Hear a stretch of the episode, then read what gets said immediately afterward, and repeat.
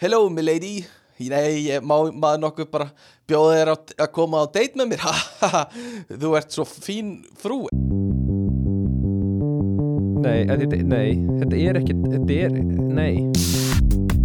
Halló er eitthvað að frétta? Já það er ekkert að frétta. Já það er ekkert að frétta. Ekkert að frétta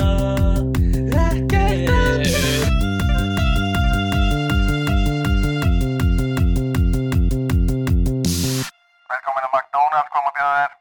Ísvelinni bilu mm. Mér langaði eiginlega bara ís. Það er ekki bóði ís í dag. Eyði frostpinna. Mac, Gjörðu Mac, vel, ég ætla að fá einn makkpinna McPinna Takk. Ég sakna uh, bara ekkert McDonalds. Uh, Er það Er það skrítið það? uh, mm, mm, Þú veist, nei, en já, eh, ég veit það ekki. Sko, sko, byrjum á byrjunni uh, Hamburgarar uh, ég, Það er ekkert eitthvað sem ég borða mjög mikið Hamburgarar, ég er ekki eins og yngveð félag Hvað sem gerir sér fjóra hamburgarar á viku. En hérna Úti í Hollandi fórum við stundum á McDonalds. Já, Það er satt, þú lígur því ekki. Það er ekki hægt að ljúga til um það. Og, nei, ég eh, reyndi ekki eins og og þegar við ætlum að vera klassi og svona aðeins meira high-end þá fórum við á Burger King sem var á lestastöðinni og, og hérna allavega, Sko Burger King er verri en McDonalds. Já en það er meira klassi sko. það er hérna, Er það? þú getur fengið þér sko svona, Á lestastöðinni já á lestastöðinni getur þú fengið þér sko þykkan borgara með svona baconi og barbecue sósu og þið líður svona eins og þú sért um, aðeins meira klassi heldur en með ostborgarna þína og eitthvað uh, Ok, En ég, ég get ekki sagt að ég saknaði þess og ég get heldur ekki sagt að ég hef fundið fyrir því þegar McDonalds hætti á Íslandi en það náttúrulega fengu við metro í staðin Já, við fengum metro í staðinn en, en er þetta samt ekki stærsta sjokk sem hefur komið fyrir íslenskan matar yðnað að McDonalds fór? Sko, jú, voru við ekki bara of ungir eða?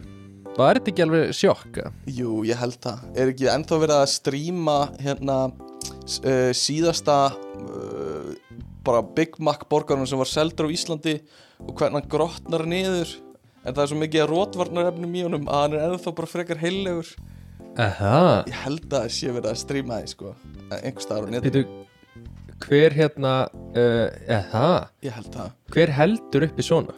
bara, þú veist, einhver hérna Þetta er eitthvað svona almar í kassanum um að Big Mac í kassanum eða eitthvað svona En, Eh, en það er samt, þú veist, ég skil að halda því upp svona til að byrja með En svo eftir á, þú veist, mörgum árum setna Já, já. Hérna, watch a live stream of the only remaining McDonald's hamburger in Iceland? Uh, Og uh, þetta var uh, Já, þetta var 2000, frá 2009 Og eitthvað Click here to watch the gradually decaying Decay of the organic substance. Þetta er, mér sýnst þetta verið ennþá í gangi Eða eitthvað. Það er magna Ég var svona svipað í þess áttina þá Manst þetta Facebook síðunni sama mynd af E hverju Heyrðu, degi? það var comeback um daginn maður. Já, og veistu hvað? Hvað? Við vorum hérna í Íslendingahitting hérna út í Delft Já, að horfa á landsleikin í handbólta og svo kemur þessi síða til tals. Já, og ein manneskjan sendir message á síðuna já. og segir á ekkert að uppdata Er það? og svona fjórum klukkutífum síðar Já. þá er búið að uppdata God damn, ég sá þetta update sko. Ég er að fylgjast með Já. þessari síðu. Já. og, og hérna, ég sá þetta Þannig það voru þið. Já, ég get ekki tekið mikið kredit fyrir þetta en ég var vissulega Þú varst á staðnum Var- þegar, þegar þetta gerist Þetta var stórt moment sko. Ég var bara, já, þetta er bara stórt moment fyrir Ísland. Já, Ég- kommentin, samt á, voru líka alltaf Flottur í dag. Tekki minn Já, mann, eitthvað svona. Alltaf sömu komment. En það sem ég finnst svo áhvert við þetta er að, ok, þú veist, manneskjan hætti þessu fyrir einhverjum árum. Mm júli eitthvað Já, fyrir einhverjum árum. Já, að svo manneskja þú veist, sé ennþá logguð inn á akkántin og fái skilabóðin já, einmitt. Nei, sko, Er þetta er, það? þetta er bara svona Facebook hérna síða sem einhver hefur búið til. Ég er ennþá að fá uh, einstaklega notification frá sönglíkunum sem við vorum með í MR sem ég var að setja, þú veist, í stjórninni og eitthvað. Og, og uh, sama með, já, bara einhver svona eldgamlar síður sem eru tengdur Býtu, við Facebooki e- e- Já, ok, þannig að það er semst bara þú ert bara þínu persónlega Facebooki. Mm og ert síðan bara eigandi af, af einhverju, einhverju síðu. Síðunni, já. Já, ok, þannig að það er ekki einhver með e account. Nei, nei, nei, nei. Nei, Nei. já, ok, ok, þá skil ég meira. Ja, Það var, já, ég veit ekki, kannski einhver er, þetta hann bara? En þú veist, þú veist, myndur ekki Þú veist, myndur ekki búa til svona síðu undir eigin nafni? N- eh, bara Stefán Gunnlaugur postar sömu mynd af. Ólafi Darra á hverjum degi. Nei, ég myndi ekki gera það held ég. Uh, Já, sennilega ekki sko. En, en hérna, allavega velkomin í þáttinn. Uh, kæri hlustandi þú helst ég ætla að segja þú en ég gera ekki.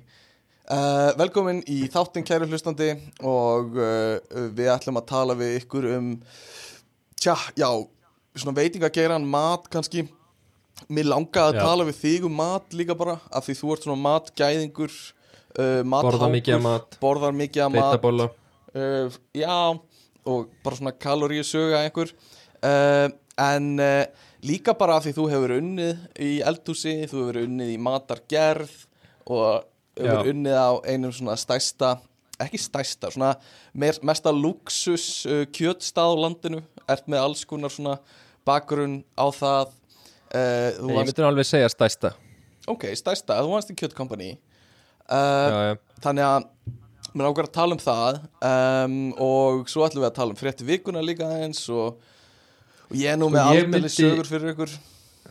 Já Já, þú ert búin að detta eitthvað í vikunni. Já, Er já, já, já, það er hálka og svona, nóg að detti sögum. En hérna, já, ég náttúrulega myndi fæla, rauk- færa rauk fyrir því sjálfur að ég væri sennilega Bú! besti Ég var að fæla rauk En, Já, lagi. Ok. Já, já. Ok, eðlilega tempoðið í mín, minni setningu en gott að komstu að segja. Um, Sko, ég er sennilega besti kokkurinn af held ég bara öllum þínum vinnum um, Já, sennilega, sko. Mm Já Það var eina sem ég vildi koma á framfæri. Ok, allt í góðu. Sko uh, Takk fyrir það. Ég held, ég held það líka uh, og ég held að þú sért líka hrókafylsti kokkur af öllum mínum vinnum en það er önnur saga. Hefur hitt kokk sem er ekki hrókafullur uh, Nei, í raunin ekki sko. Nei, þú getur ekki verið kokkur og verið ógslag hóvar Nei, það er rétt, það er rétt, það er skilda um, Ég ætlaði líka að segja bara á hlustendur að hérna, við erum að taka upp í gegnum Messenger í dag en ekki Discord og ég held að, að hérna, ég held að Skiptir sé aðeins meira á Messenger. Ég vildi bara hérna, ef, að, ef að við hljóum eitthvað smá off þá er það, er það út af því. Um, Annað þá er uh, hvað tölum við vel um Rauð, Rauðvin dagsins, það er hæni en ekki hæni kent Do it. Yes. Just do it, hvernig fannst þetta slagur? Heineken, ekki Eh, Heineken. Just do it. Já, svona, þetta var þetta var svolítið overkill. Ó, ok. Og uh, stu, stu, Þegar mér finnst hæni, hæni ken og hæni kent mér finnst það alveg, þú veist, það er alveg gullina Ok, geggjað, ég fíla það. Þú Ok, veist, ekki, ekki fara oflátt bætum við, bætum alltaf fleirum við. Já. Og hérna, styrtar alveg þáttanins í dag Eru uh, hérna flugskíli Fyrir, Þegar Flugskýli. flugvélarnar eru þreyttar. Flugskíli Já. Það Og er nú ekki gott, það er ekki gott svona, það er ekki góðu dagur fyrir flugskili Nei, í dag? sástu flugvélina sem var bara feiktist til á flugvellinu Já, er og allir það? fastir. Já, allir sko fastir lendu klukkan 6 í morgun eftir 5 tíma flug og eru fastir Já. í 11 tíma eða eitthvað í flugvél Getur þú ímyndaði prumpuliktina af því þau kveikja ekki á loftræstingunni þegar þetta er í gangi sko. Sko, þetta fekk mér smá til að hugsa. Mm. að það er ógslag astnalegt að við séum búin að hanna flugvélar þannig að það þurfi bíl til að koma stiga til að lappa út úr henni. Að því að veist, það er ekki hægt að opna hurðina og bara fara út. Nei, heldur erum við först í vélinni að það er ekki hægt að fá eitthvað stiga bíl til Já. að koma þér út í vélinni já. Og ef að, já og nema að þú, veist, einhver krakki á ammæli þá getur þú kveikt á rennibrautinni. En annars bara, hérna er ekki engin leið að komast út úr henni. Það er mjög fyndið sko. Uh, nema, já, To- Tom Cruise þá getur þú farið hana það sem, uh, það sem uh, hjólinn koma niður. Getur þú farið út um hana hjóla þegar hjólinn Já, já, já. En við Já. erum ekki Tom Cruise sko. Uh, Heyrðu. Heyrðu kallin minn. Kallin, kallin minn. Sko Ég ætla að segja þér sögu. Þannig að bara griftu bara kerti og teppi og kottuði fyrir og, og hérna ég var oftar en ekki í sundi. Og Gummi hann er sko að nutta stýrunar á augunum hann er ekki uh, en hérna ég lendi í svona, uh, svona það var talað svolítið á mig í sundi í dag, nei í fyrra dag og Talað á þig? Já þetta var svona kall sem hérna gamall kall sem var í pottinum sem hérna var að tala við einhver annan og bara tala og tala þá að hann fór og þá sá ég hann svona líta í kringum sig að leita sér að næsta fórnalambi og, og hann svona sá mig og kom alltaf nær og nær og ég svona bakkaði aðeins og hann by- byrjaði að tala og kom nær og ég bakkaði og var komin alveg út í hopn og gati ekki bakka meira. Og hann var bara Já. að króa mig alveg að og hérna var að segja mér alls konar einhverja svona persónulega sögur frá sjálfu sér. Var með eitthvað bíf út í háskólan og eitthvað svona sem ég ætla ekki að fara djúft út í en hann var alltaf að segja þú færi ekkert með þetta lengra. Þú, þetta er bara á Ó, Það er besta beitan sko. Já, eins og, eins og við værum einhverju trúnaði vinnir sko, einhverju já. trúnaði vinnir og uh, var að segja mig frá einhverju, einhverju drasli sem hann allar að fara Já, hann bara talaði og talaði í 50 mínútur. Já, og, og þá sagði hann, eh, best að fara að synda. Og þá loksins fr- losnaði ég að því hann gaf mér ekkert hann var alltaf í miðri sögu að koma sér að einhverju punkti sem kom aldrei þannig að það var ekki tækifæri til, fyrir mig til að afsaka mig í burtu. Og uh, svo fór ég upp úr í gufuna og sánuna og eitthvað svona kom aftur, þá var hann búinn að ná sér í annað fórnalamb í pottinum aftur. Já, já, já. og ég var bara að hugsa þessar típur að því þessi gæi þá leit út eins og hann bara talaði ekki við fólk nema í pottinum Já, þú meinar, þetta sé eitthvað svona comfort zone fyrir hann. Já, bara, þetta er, þetta er svo áhugaverð svona menning þessi heitapotta menning, af því hann er bara í pottinum alltaf og hérna og, og kemur bara og spjallar og spjallar og spjallar og alveg sama hver það er þá segir hann honum allt, bara eins og þetta séu vinnir hann sko. Já, trúnaðvinur Já, og einu tímapunkti var hann, er, var hann eitthvað svona Ert ekki, ert ekki sjálfstæður, ert ekki sjálfstæður maður Og ég eitthvað svona ah, mhm, mm, Eitthvað svona sag, Svaraði ekki neitt. Sæður, Svarar engu. Ég sagði eitthvað svona Aha Og hann bara, já flott, flott, flott Á get ég tala við um þetta, eitthvað svona eins og það var kallapunktur. Þetta er í Garðabæði, ekki? Jó, þetta er í Garabæ Greiði kallin, ég held hann sé smá Smá svona kallremba. En Mér, mér lang... ég er ekkert að fara Já. að lækna hann að því. Nei, nei Já, en ég, veist sko Mér langar svolítið að vita hvort svona típa mm. að því að þú augljóslega upplifir þið ekki sem að þú sért að þú veist, þvinga sögunniðinni yfir á aðra. Nei, ymmit hvort að hann upplifir þetta sem meira svona back and forth samtal þú veist, 100% við fólk í pottinu 100% sko. Heldur þú jafnvel að honum að fundist þú tala svolítið mikið við hann? Ég held, ég held að gæti verið sko. Ég held að gæti verið Og ég, hérna, hann spurði mig hvað ég gerði Og ég sagði, ég, er, ég vinn í, í, í gerfigreind og eitthvað svona. Og hann bara, hann greip það Vissi ekki stak, bara neitt um gerfigreind En var bara, ég þarf að fá þig með mér í verkefni Og ætlaði að finna mig eftir sundið sko. Og bara, Heyrðu, frábært. Já, bara geggja Ég er brókslega til það sko. Er þetta þín lína að segja ég vinn í gerfigrind? Ég, sk Ég er gerfigrind ég er gerfigreind ég hérna, nei eins og við höfum rætt á þér ég veit aldrei hvað ég á að segja sko. Ég eh, er uh, já, ég er svolítið farin að segja bara já, ég, ég já, ég vinn í gerfigreind Nei, ég- svoleiðis. En að segja ég er gagnlegur. Já, ég er gaglegur, ég ger gagn og vinn, vinn gagn. Það gæti verið. Mér finnst það bara svo lúðalegt sko. Um, en hvað segir þú? Hva, hvað er að frétta hjá þér? Hvað er að frétta? Ekkert. Já, já, já, já, já, glæsilegt, glæsilegt. Uh, En eitthvað svona sem gerðist? Er eitthvað sem gerðist? Uh, Nei, Nei. ég held ekki. Kannski kemur þið við höfum rætt þetta náttúrulega. Bara, Þetta er bara gullfiska minni sko. Ég, Já, þú manst Það gerist öruglega eitthvað en þú verður að tryggja það til að komi fram sko. Ok, ég hérna Þetta er svolítið áhugavert og mér langar svolítið að vita hvernig þínu upplifin er. Hérna, ég fór til læknis í vikunni út af svona vandamálum í hnýja til bæklun og læknis.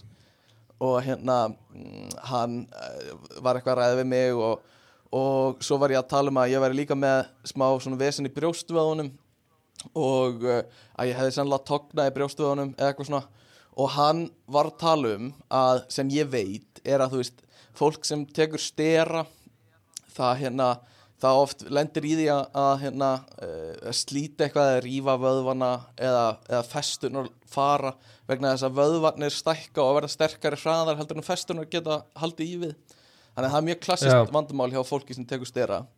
Um, og hann spurði mig uh, þannig að eh, tekur þú stera?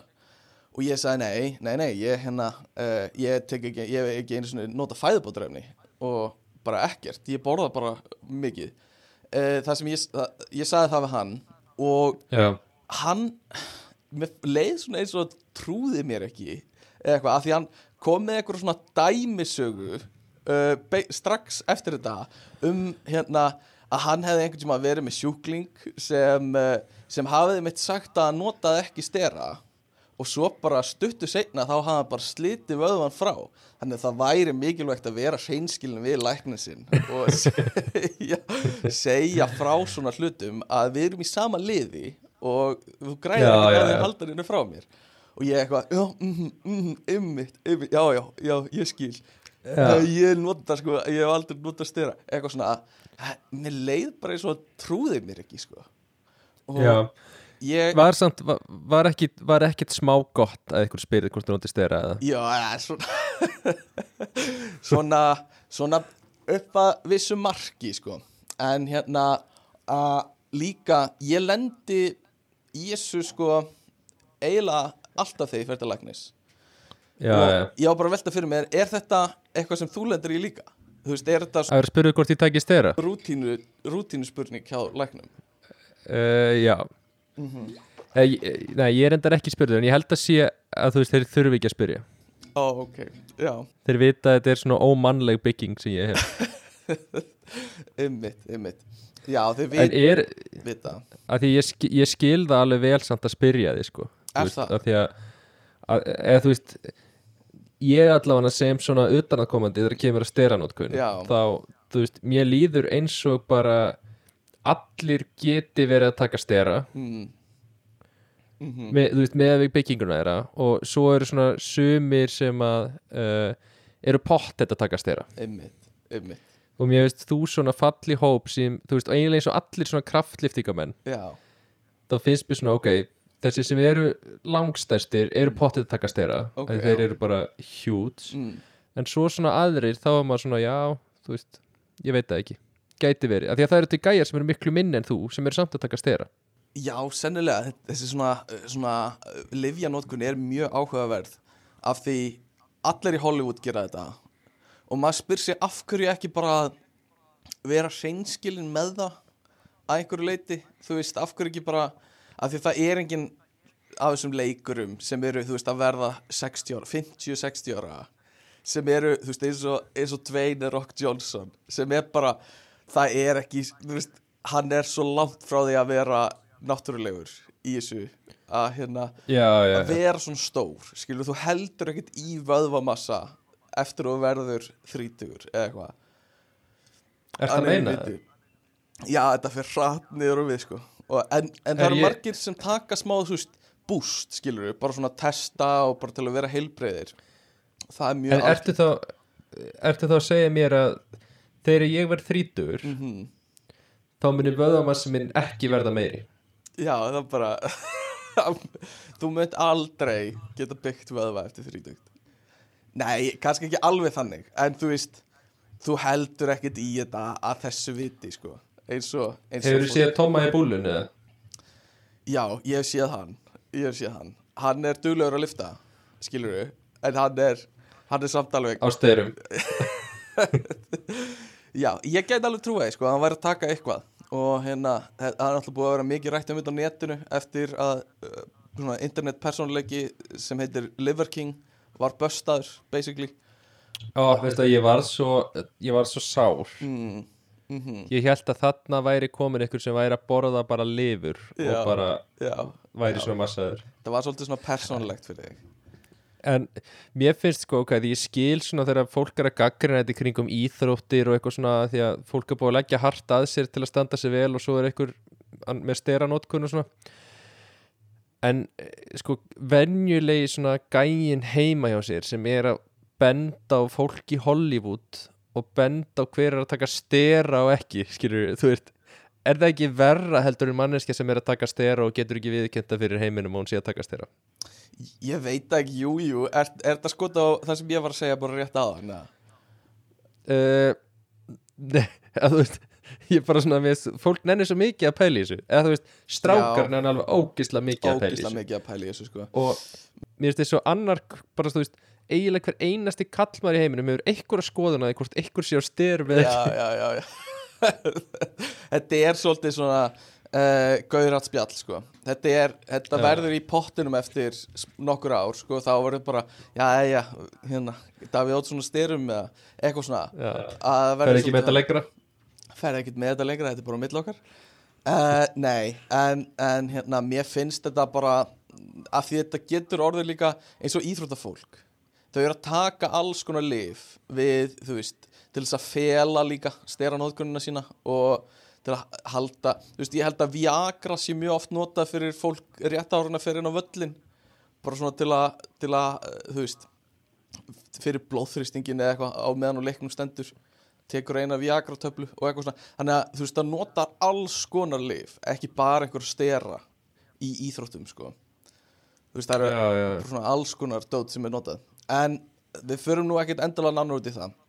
Uh, mér langaði bara mér varst fyndið þegar þegar læknirinn var eitthvað að reyna að hérna, reyna að fá mig til að viðkynna stera nótkun með einhverju svona svona Jésús dæmisugu frá, frá sjálfu sér. Það var mjög Eh, Jésús dæmisu En hérna, ég var að sína líka í fyrsta skipti uh, hjá, með Impro Ísland uh, í vikunni. Nú, Fyrsta ég að það var í vor. Ja, Ég byrjaði að sína bara núna þessa önn. Og var að sína í síðustu viku í hérna uh, á miðvikudaginn og verða sína í, í allt vor vonandi. Þannig að Ah, ok, hvet og bara hlustendur Það gekk bara mjög vel sko. Þetta var mjög gaman. Og bara allir voru grenjað á hlátri allan tíman En það varst þú fyndin Ég, ég myndi, ég var ekki kannski finnastur Nei. en, en hérna, ég bara mér leiði vel upp á svið. Það er allt, Eru, eru mismunandi í, í improv Eru mismunandi svona hlutverk skilur Er, veist, er einhver sem á að vera svona support og einhver sem á að vera svona attacking skilur í raunin ekki sko, nei, nei, nei. Bara, þú veist, hvernig líður og hvernig sena þróast. Og e, þú veist mátt þú alveg taka einhverja uppeyju í samræðunum Já, og þú veist án þess að eftir á þá fáður að heyra eitthvað svona herðu Stefán, bara haldiði bara við það sem að veist, þessi er að segja, skilur uh, ekki fara ekki fara eitthvað annað. Já þetta er hérna, þetta er góð punktur sko, það eru í, það er ekkert eitthvað svona reglur, það er meira bara svona bara svona, þú veist, þú verður að treysta fólkinu sem þú ert með upp á sviði uh, til þess að, þú veist líka lesa hvort annað og hlusta skilur þú getur ekki verið þarna bara á þínum eigin forsendum og bara ætla að gera þína senu, skilur það bara gengur ekki upp að, að Já, þú er ert með einhverja partur að- hugmynd Já, er, er ekki svona stór partur að endurtaka það sem einhver segir sem er skrítið? Jú, það, þetta, er, þetta er mjög góð hérna, svona, observation hjá þér. Það er oft, það er oft mjög það er gert oft. Bara svona til að, til að ít undir það og þá fattar maður að það er eitthvað skrítið og þá vil maður oft elda það. Þú veist, eins og einhver segir eitthvað svona, ég hef bara aldrei heyrt um tvíburaturnana eitthvað svona sem er eitthvað bara svona smá skrítið og þá myndi einhver segja, byrju, hefur aldrei heyrt bara um tvíburaturnana og þá er, Já, já, hvað já. meira hefur þessi karakter ekki heyrt um? Þú veist, hefur hann ekki Já, heyrt já, um bara, þú veist, bandaríkin yfir höfuð, eitthvað skilur bara, þú veist, þá eldi maður Já, þannig að það er Þetta er, sko, ég bara hlakka mikið til að koma á sýningu hjá þér með Improv Ísland. Ég bara og að því að þú má ég segja frá klippinu sem þú sendir mér að uh, já, já, já, já. Se, það er Ok. að því að þú tókst upp svona pröfu podcast já, með improv-hópnum. Já. Mm og hérna já, bara svona sem, þú- voru svona að pæla hvort að vera eitthvað svona podcast í kringum og gefa út þú veist, í hverju viku og eitthvað. Já, og mér fannst þetta alveg ógeðslega fyndið. Þannig að ég bara sko það bara, ég get ekki beðið eftir að fá að fara á sýningu hjá þér þegar ég, þegar ég kem til landsins. Því mér finnst improv bara það er bara, mér finnst það mjög fyndið. Já. og ég hef aldrei séð þig beint í improvi Nei, nei, nei. En, en svona ég veit hvernig þú ert. Þannig að ég bara held að mér finnast alveg mjög fyndið að sjá þig í, í sýningu. Já, geðveikt sko já, þannig að ég bara hlakka mikið til. Einmitt og, og hérna, við erum ekki búin að, að nei, gefa neitt út sko um það líka, við erum ekki búin að segja frá því. Þannig að þeir sem eru, þeir fáu sem hlusta á þennan þátt, þeir eru ekkert að fara með þetta lengra. En við erum svona að pæla hvort við eigum að reyna að gera eitthvað svona impro podcast og erum svona hvernig myndi það líta út og, og hver væri svona pælingarna bak við það? Og erum að reyna að finna út í því bara núna að prófa að taka upp en já, Já. gaman að heyra þið fannst það fyndið sko. ég var nefnilega ekki viss með það af því það er, það er svo skrítið að taka upp og sama þegar þú veist þegar það er eins og hringt inn í þennan þátt skilur eitthvað svona Já, sem, já. sem er náttúrulega, það er ekki ég skilur en það mættar Nei, einhver nei. tólka sem þú veist, kannski heldur einhver að það sé próf allána, en þú veist, að heyra engan hlátur eða þú veist, fá engin viðbrögð skilur, Já. þá veit maður ekkert hvort það virkar eða hvort það er fyndið eða eitthvað já, já, ég pældi í því sko. Ég hugsaði, ég er ekki skrítið að vera að segja allir þessa hluti og fá ekki skilur, já, er, færði ekki rosa mikið fá krátinu? Þú veist, Ó. spottar hvað þeim finnst fyndið þannig að þú gerir meira því. Ógeðslega mikið þannig sko. og þú veist, á sýningum ef maður oft bara þú veist, heyri kannski hlátur yfir einhverju svo bjóst ekki við en þá hugsaður bara, ok, ég verða að elta þetta fara meiri í þetta. Já, já. og hérna, uh, þú veist, þetta er greinilega eitthvað sem sem er að, er að þú veist, væpa með öðrum uh, en þetta er svolítið þetta er, hvað segirðu? Já, ég er með svona, bara ætlar að fara í eitthvað annað umræðni, annars er ég með aðeins bara á þetta. þessu Já, uh, af því að mér langar svolítið að vita nú ertu búin að sína með improv uh, og ég er með nokkra spurningar. Ok. Fyrsta spurningi mín er uh, er færð þú aðgang að barnum sem er ólöglega barnum sem er bak við þjóðleikúsi Mánabar já, Já, hérna uh, það er ekki það er ekki seldur bjór þar þú veist, dagstælega já, svona officially. Nei, nei, nei, nei, nei. Og það er ekkert eitthvað bar sem er alltaf í gangi allavega ekki alltaf þegar ég er. Ég veit ekki hvernig hann er. Nei, nei, uh, Við erum oft þar, sko. Oft bara að hérna hanga og fyrir sýningar erum við oft með svona einhver hittum þar og eitthvað svona uh, já, já. en, en uh, ég veit ekki aðgang að hannum, já, já, ég stundum hana en það er ekki, skilur, það er ekki þetta er ekki bar, bar nema á nei. svona hátíðum.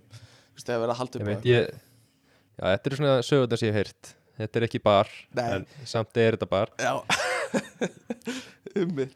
Og, en eh, ok, það, ok, svo var ég að pæla sko í svona improv og þú veist, nú ertu svona í kreðsunni þarna með þjóðleikusfólki uh, ok, já er improv, þú veist á virðingaskalanum þú veist, þú ert í improv Íslanduna já, þannig að þú ert komin bara top of the top í improv heiminum. Ok, ok. Þú veist, Mhm. hvar hvað er langt í hilmisnæ frá Langt. þér núna? Það er mjög, hann horfir ekki á okkur sko. Hann, Já, hérna, já. hann er bara, þetta er ekki leiklist.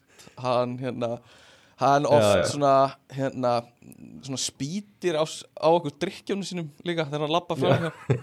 Sem er mjög skrítið, nei hann er í borgarleikusinu sko, við erum ekki eins og með hann í þjóðleikusinu held ég. Um, en, en það er litið niður á okkur í innprófunu rosalega mikið og það er mikil stjættaskipting í þjóðleikusinu yfir höfuð og þú veist það er alveg svona uh, þú, þú veist þú þarft að borga oft og gefa svona einhvern svona hádeitsmats peningin til einhver svona frægara leikara sem koma, Mm. annars eru þeir þú veist að setja hausið inn í klósettið og eitthvað. Og það er bara Já, sagt já, við já. okkur þú veist ekki gera neitt í þessu þetta er bara hýrarkían hérna. Og, og hérna bara leiði þess að gerast annars megum við ekki vera hérna. Uh, þannig að leikarar eru fucking sko, þeir eru bullies. Og það er svo mikil stjættaskipting líka. Já, já. Einmitt og þú ert, já, einmitt þannig að það lítur að vera erfitt fyrir því að vera núna á, á botninum það, Já, 100%, 100% og það er oft gert bara grína mér bara eitthvað svona eitthvað, hérna flott, flott skegg, eitthvað svona og svo togaði skeggi mitt og þú veist, Já, ég finn já. alveg fyrir að ég er vel á botninum í já, og hérna, uh, segi hvað fyndi, segi hvað fyndi og svo er svona puttan og stungið upp í nefið á mér uh, en, en En- út á við eru þau rosa kátt og glöð og allir eitthvað svona rosa miklu vinnir já ég, ég hef alveg getið giska á þetta sko. Mm, mm -hmm. En eh, ok, síðasta spurningi mín er sko, þú veist, hvað um, ertu samt komin inn á einhverja svona leinibari, þú veist, ertu komin passvort inn á, þú veist, leinibarina Já, já, já, svona eins og elferð á priggið og segir leinu orðið sem var hex 16 alltaf. Að þú segir það við dýraverðina þá farðu í, Já, Það hljómar svo líklegt líkilort sem bara, þetta var. Og 16 á húrra þá var það að þú segir sko húrra, húrra við dýraverðina þá ferðu inn á hérna uh, leini uh, Já, já, við, þú veist það er, Nei, það eru samt, sko, það eru leinibarir í Reykjavík, sko. Já, bara miklu meira en þú heldur sko og það er bara út Já. allt og hérna Það er ekki húrra á breykið, sko. Nei, Það, nei, það nei, eru já, ég veit að það er svona eins og að þú ferð á Iris og segir Could I get some coffee? og segir það við dýraverðina. Þá ferð að komast inn á leinibarinn þar og þú veist, þetta er út um allt. Og þar er einmitt Ólafur Dára og Hilmisnær alltaf að taka móti og, og bróka fólk. Og eh, já, við fáum semst aðganga svona dokkskjali semst þeir sem eru í improv sem er bara með, þú veist, öll leinorð og líkilorð hjá öllum stöðum. Já, já, og þú veist, eins og bónus og granda er líka með. Ef þú segir, er ekki afsláttur? þá fara að fara inn í leini herbyggið í bónus. Já, já, já, já. mm Ok, ok, spennandi. Já, Ég hérna Já, en uh, svona burt sér frá spurningunum þá bara ég mæli hygglust með því að fólk fari. Mér finnst líka improv er ég myndi segja að þetta er svona einn besta date hugmynd sem þú getur fengið. Án er að fara á improv síningu já, út af því að veist, þetta er, þetta er eitthvað activity sem er interaktív, skilur þetta ekki að horfa á bíómynd og vera bara í, ykkur, í smára bíó þú færst getur um að farið í- kalla upp með að segja. Til já, já. já, já. Þú getur farið í drikk fyrir og eftir þú getur farið út að borða eða hvað sem þú vilt. Svo fyrir improsýningu og þetta er ekki þú veist, þetta er ekki sami verðflokkur eins og að fara á einhverja þú veist, að fara á hérna, óperuna, algjörlega, ymmit þetta er svona, þetta er mjög affordable mm -hmm. búið þetta á date, þannig að Mhm. mæli með því, ef þið eru í datingmenningunni þá, þá kaupið með á improsýningu ég bara, ég svona, hugsa út í það, þá er ég bara mjög sammálaður það væri mjög gott date. Og ég, ég hef farið á date á improv, það var mjög gaman. Og um, ef þið eru hlustendur getið núna hirt í steppa og beðið hann um að ég, þú veist, gera grína eitthvað gera grína gera grína einhverju. Segja eitthvað fyndið. Segja hvað fyndið. Uh, já, hérna nei, þetta er, þetta er bara mjög indælt sko, það er engin ég var, að, ég var að ljúga á þann. Það er engin stjættaskiptingana, það eru allir mjög næs í þjóðleikúsinu og uh, ég hef já, svona, svona officially. Officially og uh, það er, ég svona, það er allir mjög næs jafn mikið og það er ekki selt áfengi á mánabar hef, já, já, við getum sagt það. Og ég er, hef ekki hitt neinn mjög frægan, bara að segja það líka. Þannig að ég er ekki Já, í einhverju svona í einhverju svona kræsu ekki græðsa Nei, nei, hérna, ekkert svo leiðis. Um, Eitt í viðbót. Um, Jú, ég ætla að segja, tengt þessu. Ég fór á improsýningu út í, út í Bandaríkjunum Fyrir nokkrum árum uh, Í svona frægu leikhúsi þar Sem heitir UBC Carnegie Hall? Já, í Carnegie Hall. Nei, í svona li lítilli Þetta improv eru oft sínd í svona litlum hólum einhvers staðar. Og uh, eins og, já Og ég fór á þannig sýningu Og uh, hún átti að vera mjög góð Og mér fannst hún bara ekkert fyndin Í rauninni, mjög lítið fyndin En það voru allir skellir hlægjandi kringum mig Sem voru hérna, eh, sennilega bara frá New York eða eitthvað. Þannig ég hugsaði, þú veist er, er bara svona mi- mismunandi menning fyrir húmor á milli staða? Eða þú veist, hvað var málið? Af því fólk var sko skelli hlæjandi yfir einhver sem ég var bara, þú veist það ég, er bara, ég held það sko. Er, er það ekki líka því að improv er svo mikið þú veist, þetta er svo mikið svona ádeila á típur sem við þekkjum einhvern veginn, já, skilur þetta jú, svona, kanns, já, ymmit ymmit, það gæti alveg verið. Og þú veist, ég fór með þetta var, ég, þú veist, öll fjölskylda mín var þarna í New York, þetta var ég, mamma, pappi og bróður minn.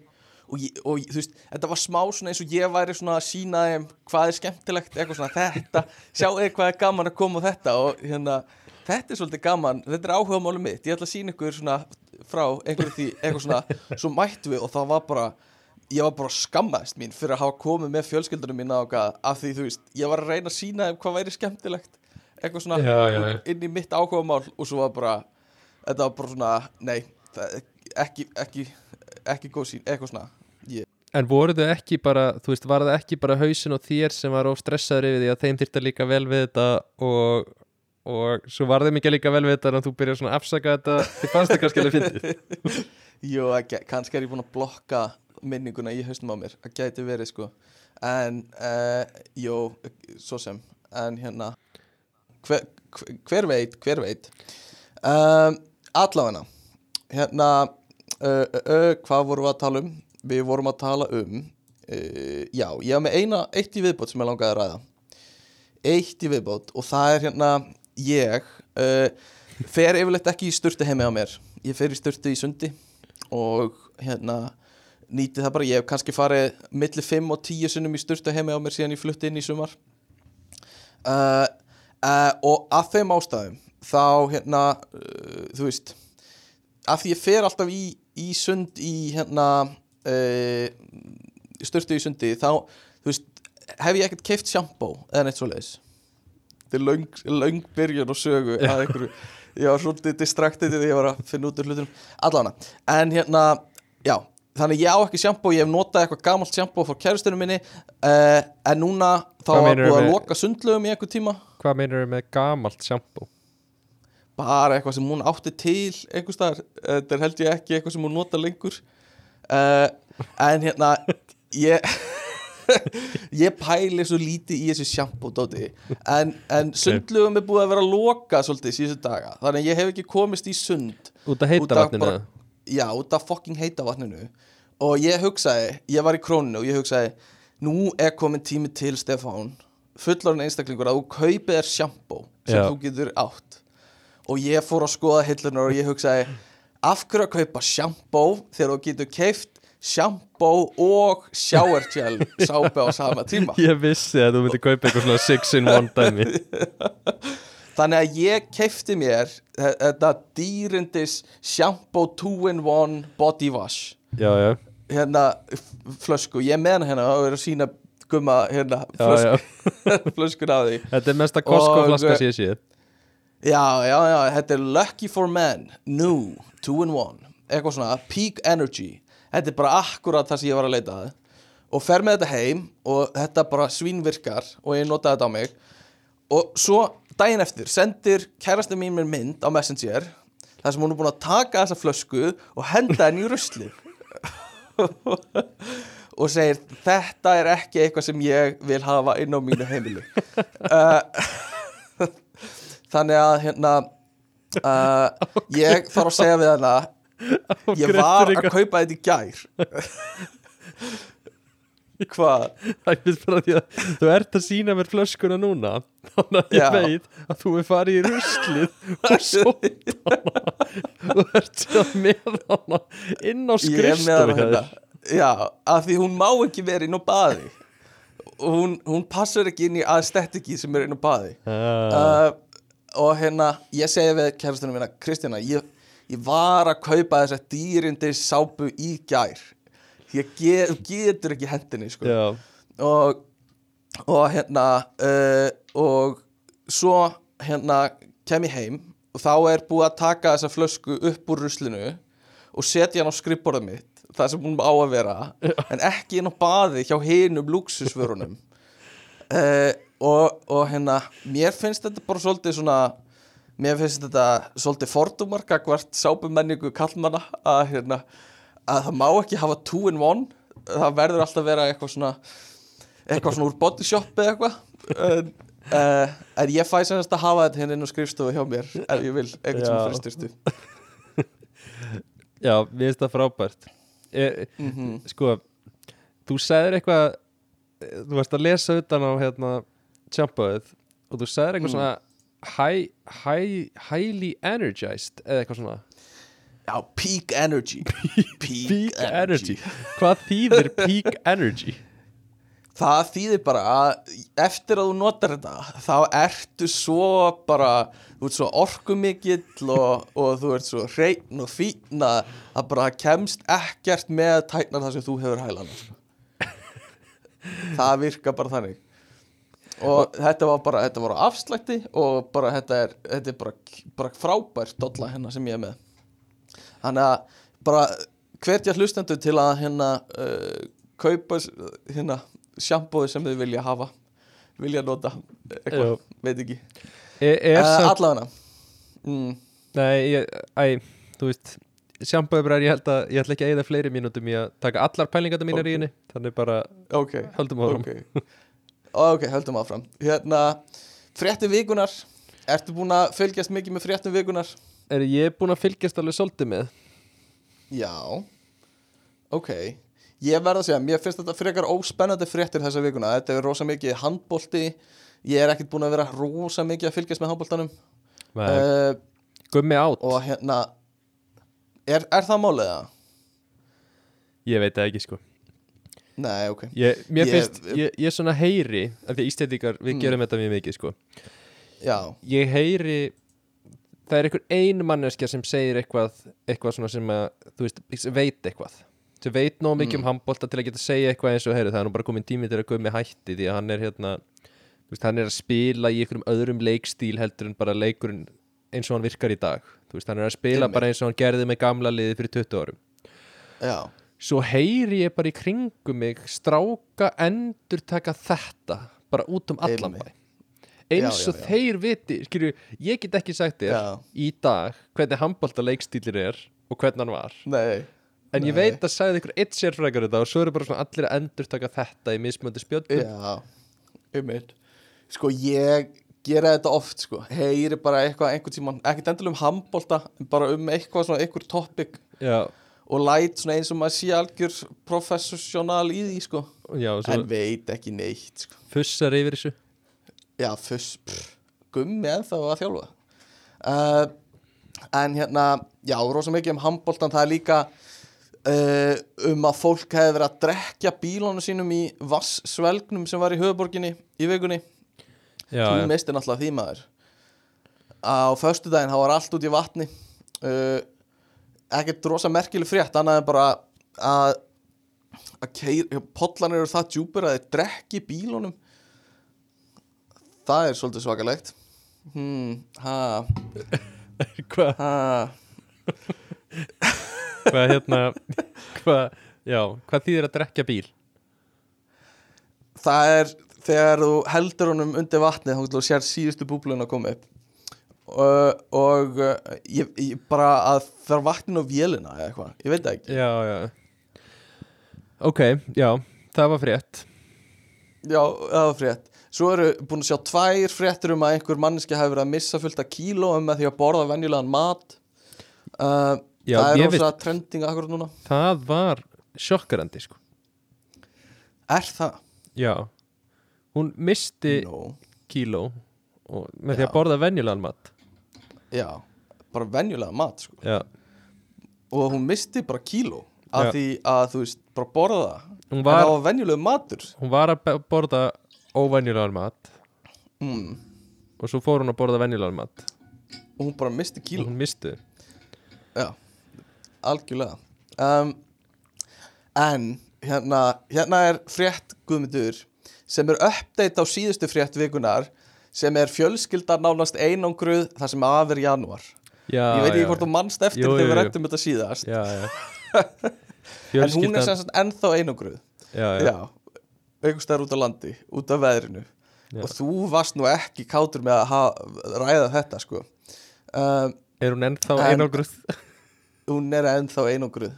Og uh, bara eftir það og svo var hérna uh, já, svo var kakkalaki, stór kakkalaki kom inn á heimilið með maturum uh, maður kjælt að maður væri örgur og svo eru bara ógæðslega myndir af kakkalaka vera að skríða á einhverjum einhverjum MS rjóma ásti já, já. Og þetta er bara, þetta er komið. Eru kakkalakar úti hjá þér? Hefur þú fundið fyrir því? uh, Ég hef ekki, ekki séð kakkalakar sko. Nei.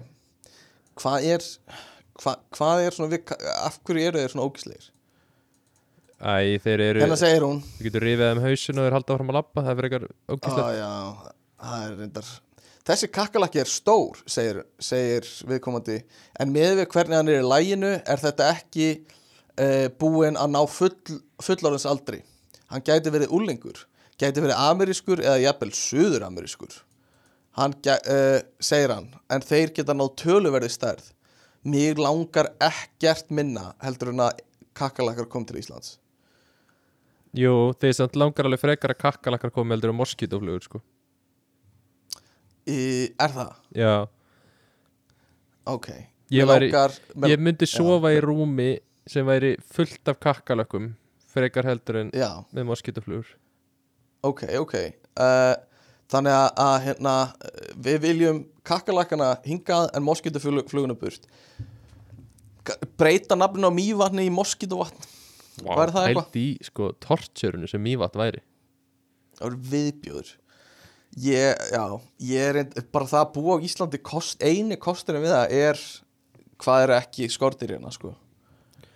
Já, Þú veist, við erum með geitunga en það er svona, þú veist ekki það mikið mál þú veist, geitungar þú veist, hefur hitt fullotna mannesku sem hefur átt í Mm. vandræðum með geitunga Já, auðvitað Er það? En, þú veist, það á ekki að vera þannig þú veist, Er þetta alveg þetta vandamál? er ekkert mál Er þetta ekki bara Nei, börn þetta er, og hundar sem er að með þessu geitungum með?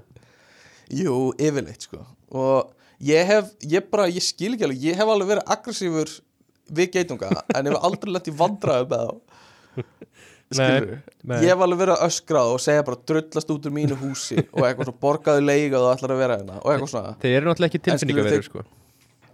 Nei, það er kannski það, ég verið svolítið að móðga og svona já Það er kannski máli En allan, þe- þessi vika var ekki drosa svona frétt næm sko, verða að segja það. Frekar leiðilega fréttir þessa vikuna. Þannig að, að eh, ekkert juicy í því. Já, mér varst reyndar sko það sem ég ástóldi ávart þessa vikuna í fréttum mm. var að hérna Cape Verde væri grænhöfða eigjar á íslensku Einmitt, já, ég, já þú veist mér finnst, því að við venjulega við förum ekkit mjög langt með að þýða lönd eitthvað svona á okkar eiginhátt Já, Þú veist, ok hvað, Ok. þú veist, getur hvað er þú veist, svartfjallaland er annað svona eitthvað sem við svona lögðum eitthvað effort í Já, ég meina líka bara en þú veist, þú Holland veist, Það fer samt eftir í Þú veist, eins og bandaríkin Skilur við, það er ekki Þú veist, United Statein Eða eitthvað. Já, en þetta er samt alveg bara bein þýðing einhvern veginn. Ok, jú, já, jú, jú, það er svo sem alveg rétt Við erum ekki kannski London, sko. Og þú veist, mér langar að vita hvenar, eigar hvenar voru grænhöða eigjar skilur, þú veist, hvaða ár var þessu orði Mm. bætt við í orðabókinu okkar Já, einmitt. Örgla fyrir svolítið löngu síðan, sko. Ég get alveg ímynd með 1600 og eitthvað. Ætli að hafi verið einn maður á bakvið rosa mikið af íslenskum þýðingum á löndum? Já, pottjett Það bara, þetta gengur ekki. Nú fer ég og þýði þetta allt. Já, það Og það var svona Bræði Valdimars. Já, eða, eða Argrimur Baldursson. Argrimur Baldursson hétt hann það Það ekki? er maður sem ég veit ekki hver er. Teik, teik, tengir Ar- ekki við að þú horfður á teikni með yngri og það kom alltaf svona texti og þýðingar. Argrimur Baldursson. Argrimur Baldursson. Það er eitthvað einn maður Vá, sem bara þetta er greift í hausuna þér. Já, Já, hét, hann hétt. Argrimur held ég. Ég held hann að veri Baldursson. Eða Ok, Baldvinsson. veit það ekki. Ok. Það, já, það voru örgulega hann sko. En já, það er rétt, já, þetta er ansi Þetta er, þetta er svona kræf þýðing sko Á, á landi. Uh, Og uh, þetta er ekkert mikið stærri en Ísland Skils mér, 400.000 manns eða 500.000 manns eða eitthvað. Já, það er bara það er svo magnað að Ísland þú veist, að keppa við Brasilíu sem er yfir 100 miljónir eða eitthvað manns sem Já, búa þar. Hvað hérna að, bara, að við fáum keppnisgengi á sem mót er bara, við finnst það smá skrítið sko. Já, já En þetta er náttúrulega í við erum handbólta það er náttúrulega svona, er svona takmarka hvað margir af áhuga handbólta í heiminum sko. já, kannski, en bara í fótbolta líka skilur við, við erum ekki neitt sko. þú veist, það er alveg bara einhverja borgir út í heimi sem eiga ættu frekar að fá rétt til að keppa þenn við sko. En hvað ætli sé minimumið? Þú veist, hvað Þú veist, bara til að vera Þú veist, land mm. Hva, Hvað þarf ég að uppfylla? Það hlýtur að vera checklisti, eða ekki? Það hlýtur að vera eitthvað svona Nei, eða sko í rauninni ekki, ég held að þetta sé meir og minna mjög afstætt hvað er land og fer aðlega eftir í bara hverju viðkenna þig.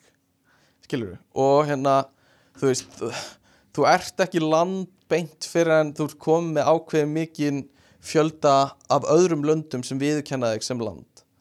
Já, og þess vegna eru sum lönd talin vera lönd af einhverjum en ekki lönd af öðrum þú veist, Palestína er ríki sem ekkert margir viðkenna að sé ríki. Já, já, já. og, og það er bara þess vegna sem það er með erfiða stöðu og þú veist mörg önnur svona uh, já, næstu í lönd. Svona eins og þegar Putin ákvað bara hætta að viðurkenna uh, krímskagan sem part af Basically. Ukraínu Já, og eða þú veist, það var kannski ekki alveg en hérna, það var svolítið hann bara í einhverju fílokasti. En þú veist, ef að þú gæti fengið bara alþjóð samfélagi til að viðurkenna klukkubergi sem sitt eigi land þá bara væri það sitt eigi land, sko. Það er bara Ok, aðalega þannig, sko. Það er ekki checklisti, annars væri held ég rosa margir búin að reyna að uppfylla hann að checklista bara sjálf. Já, já. Og líka hver ætti að ákveða? Já, hver er þetta ákveða? Og hver ákveður Eh, hversu mikið af löndum þú þurfa að viðurkenna þessi land? Það er, þess, það, er líka það sem er er, erfitt að því, þú veist Nei, það er ekkert ákveðið. Þannig að það er bara svona sirka. Og þú veist, þú getur, hvað eru mörg lönd í heiminum? Googla það. Og það eru, þú veist Mikið að mismunandi svörum við því. Já, já. Bara eftir í hversu margir Já, hvað fólk telur með, sko. Ég ætla aðeins að Um, melta þetta. Ég, ég er samt svona, mér líður eins og ég geti mögulega að stofna land. Ok, Kannski ég og þú. send landslu út. Já, Guðmunds höfða eigar Já. Og sendir hérna. Það var gaman Allána, heyrðu, ég ætla að fara í fyrstu date spurningun okkar í dag. Uh, Hver er uppáhaldsmaturðin? Sko, ég held að minn uppáhaldsmatur er uh, nautalund. Já, Mér finnst það mjög góður matur. Ok. Uh, Svona meira casual þá er, svolítið, er ég svolítið pítsukall sko. Ég er meiri pítsukall en, en margt annað Já uh, Þú veist Pizza Mér finnst það svona næstu eiga að taka það út fyrir svega Eða þú veist, það er bara Þú veist Já, Hver var að spyrja þig matur? hvort að uppáhaldsmaturinn minn ætti að vera tekin út fyrir svik þú veist, nautalönd Mér finnst eiginlega ekki vera hægt að segja að það sé uppáhaldsmat Nei, uh, ok, pizza og nautalönd Hefur þú prófað að fá blanda þessu eitthvað? Þú veist, pizzu með nautalönd. Nei, ég, það er ekki, nei. Mér finnst pizza með hakki sem er svona kannski að næsta síðu komist pizza með nautalund Já, ekki gott sko. Það er svo mikið drasl sko. Það er svo mikið drasl. Eitthvað hakka á pizzu Já, Og líka, ég hef séð eitthvað svona kjötbollur á pizzu Ég er bara, það er drasl. Það Já, er ekki gott sko. Nei, nei. Uh, en, en ok, uppáhaldsmaturðin er þetta tvent En hver er þá uppáhaldsveitingastæðurðin? Helst það í hendur við þetta? Sko, úf, þetta er erfið spurning sko. Ég held að e, e, erum að taka marka okkur við Íslandi eða ekki? Mm, jú, jú, við skulum gera það. Ég held að ég hafi fengið svona besta matinn sennilega á kól Já, ok. Það er sennilega minn uppáhaldstaður á Íslandi alla, En það er svolítið síðan í fólangað en, en mér finnst það mjög góður staður. Já, Já, ég ætla að segja kól ok. Ding, ding, ding. Nei, sko Ég, hérna Ég er með smá, kannski óvinnsæl sko, Ég veit ekki hvort hann er óvinnsæl Sko, ég Kól er fín, ég er farið á kól Og ég er farið á fullt af uh, Svona uh, Stöðum sem eru svipaður á kól Kærasta mín er mjög Fyrst mjög gaman að fara á svona fína veitingastæði og eitthvað. Og, og hérna ég hef farið með henni á marga. En sko ég er ekkert ég fæ ekkert rosa mikið út úr svona mat á svona stöðum. Uh, þú veist eitthvað svona fínt, semifínt þú veist við höfum líka farið á grillið einhvern tímann og það á að vera bara svona fí, fínasti staðar á Íslandi eða eitthvað. Og mér finnst þetta bara smá minnst það ég, veist, ég meira fyrir bara heimilsmat eða þannig, skilur við að hérna og þú veist, þá segir fólk já, en þetta er ekki bara matið, þetta er upplifun. Þú veist, að fá upplifun út úr þessu líka eitthvað svona, já, allt er góðu, maður fær upplifun út úr þessu. Er þú veist, mér finnst hún rosa svipið á öllum þessum stöðum. Eh, skilur við Já. Uh, og eitthvað svona að fá eitthvað nöyt, þú veist, við förum oft í eitthvað svona fimmrétta, eitthvað svona óvissuferð þar sem er bara komið með fyrir þig eitthvað sem kokkurum velur eða eitthvað. Og þú veist, það er allt bara fínt. Þú veist að heyra sko eitthvað- forréttindin í þér að vera að væla yfir því það sem þú veist á einn hátt ert að tala um hvað þú sett alltaf á okkur fimm rétta stöðum þessi kokkurinn er að velja fyrir matinn og eitthvað. Og svo er þetta kvartið þetta sé ekki náttúrulega gott fyrir þig. Ég, þú veist, við erum að taka upp podcast þar sem maður þarf að vera með skoð uh, og ég ætla bara að standa við þetta skilur, hvað- mér finnst veist- þetta ofmetið. Já, er, mér veist, finnst ekkert vit í þessu. Spurningi var hver er uppáhald staðurinn, veist, hvað er að taktu Ah, já. eða Já. sómi. Uh, upp Sómi mætti nú alveg vera með einhvern veitingastað. Sko Mér finnst um, Ég veit það ekki. Ég veit það hreint ekki. Þú veist, mér finnst þetta bara margt bara fínt þú veist, en svona kannski frekar staðir eins og Nei, ég Já, ég veit það ekki, sko. Þú veist, ég ætla ekki að segja eitthvað eins og hamburgerfabrikan eða, eða að þú grillhúsi vilt segja það. Nei, já, en ég ætla ekki að segja það, sko. Uh, Af því, uh, já, já, já, já, ég ætla ekki að segja það. En hérna, þú veist, kól er fínt, það er næs uh, Þannig ég segi bara kól frábær umræða. Æjæjæj. Nei, ég, ég veit það ekki. Ég, Það sem mér langaði bara að segja er Mér finnst svona staðir oft ekkert sérstakir. Kannski góðu pítsastaður er, er betri eins og hopnið eða eitthvað svo leis Mér fannst það alltaf mjög næ staður. Það er ógeð, þetta er svo mikið sko, fyrir alla reykvíkingana sem er að hlusta og ég er alltaf að Já. tala um hotnið. Já, þetta er ekki svona góðu pítsustöður veist, ég veit þetta er eitthvað svona per, er, fólki líður þetta sér svona falin perla í Reykjavík mm, að fara á Mm. hornið og fá sér pítsu. Mm þú veist, þetta er ekki þetta er ekki topp 5 pítsur á höfuborgarsvæðinu Ok, og það er fakt. Wow God damn. En Ok, eh, já, sko, en hvað? ég samt ég skil alveg hvað þú ert að meina. Þetta er svona Mm. tilgerð í þessu. Mm og, og hún verður bara verri þú veist þú veist, ég, ég er svona ofar en þú skilur, ég er svona að fagna meira tilgerðinni heldur en þú. Þú veist, að ég minnst alveg Já, smá gaman að já. láta ljúa mér að eitthvað sé, þú veist, akkur eitthvað sé gott. Já, já, en ég fór um daginn hérna með félagum mínum hérna úti já. og hann er svona, þú veist, hann er alltaf að elda. Þú veist, allt eitthvað svona eitthvað, eitthvað fróður og eitthvað, eitthvað sem Mhm. er hérna, búið að liggja í einhverjum Einmitt. ediki og eitthvað svona, allt voða fín. Og ég Einmitt. fór með honum út að borða hérna Já, og honum fannst bara allt geðveikt. Já, en það, þú veist, þú veist þetta var, skilur pasta þú veist, það voru fjórar pasta hérna, pasta sneiðar í, í skál Mhm. með tómatsós Það er ekki máltíð Það er ekki matur. Það er eins og borð Það er eins og svona teaser trailer af máltíð já, sem á ekki að fylgja með skilur já, já og þú Já. veist, uh, já, hann, hann, hann samt bara elskaði það. Og allt sem er svona Mhm. e eitthvað fróða og þú veist, er eitthvað skríti á litin og, og er, hefur óslega langt nafn þú veist, er að liggja ógislega mörgum hlutum áður en það var eldað.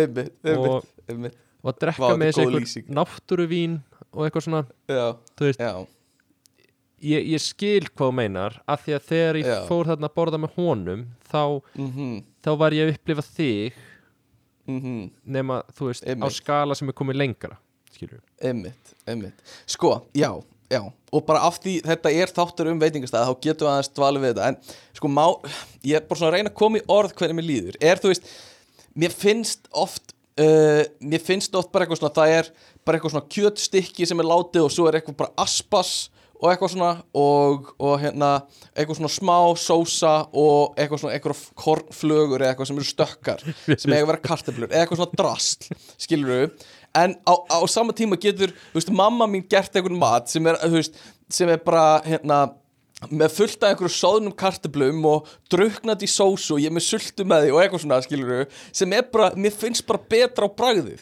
Og ég Eh. get borðað miklu meira af því. Og þessi máltíð er kannski fjórðungur af því sem ég myndi vilja borða en svo er búið að fylla matinn af einhverju brauði og það er búið að fylla af einhverju svona forrétt sem er bara eitthvað drastl skilur og, og, og, og bara, þú veist, mér finnst þetta bara ekki vera þú veist, þessi virði oft Já, og sko, upplifunin er eh, eins á eiginlega öllum stöðunum. Nei, þú veist, þetta er rámt hjá þér. Og ég veit að ert þá skilur þá veistu að þetta er rámt þetta er mjög raung skoðun. Út af því að Já. þú verður líka þú veist, það er ekki allt kappátt Stefán Pældi hvað ég get borðað marga umferðir á mat. Ef ég er sneggri, skilur þá get ég sett oftar á diski Nei, þú, þú verður aðeins að, þú veist, hugsa að því að, þú veist, ég trúi því ekki ég hef ekki Think, smakkað think Stefán þú verður að hugsa. Að ég hef ekki smakkað matinn á mömmuðinni en með við lýsinguna með að drukna í sósu og með sultu og svona, mm. þá þú veist ef ég bara, þú veist, ég veit að mamma mín hún getur Já. ekki eldað skilur, þú veist þetta er ekki sami réttur skilur, Nei, nei, nei, þetta er samt alveg, já, ok. Og þú veist, Nei, nei. ef þú tekur kjöt mm þú veist, það er það er, ég meina, þú veist hakk og nautalund er ekki að sama fyrir þér. Já. Uh, Nei, Nei. nei, nei þú ekki alveg mun þar. Já, já, ég finn alveg mun. Já, og Þú, veist, þú finnur alveg mun á þú veist, nautalund sem er eldað eins og skósóli og nautalund sem er akkurat fullkomin svona tekstjúra já, já, já, já. Já, Já, já.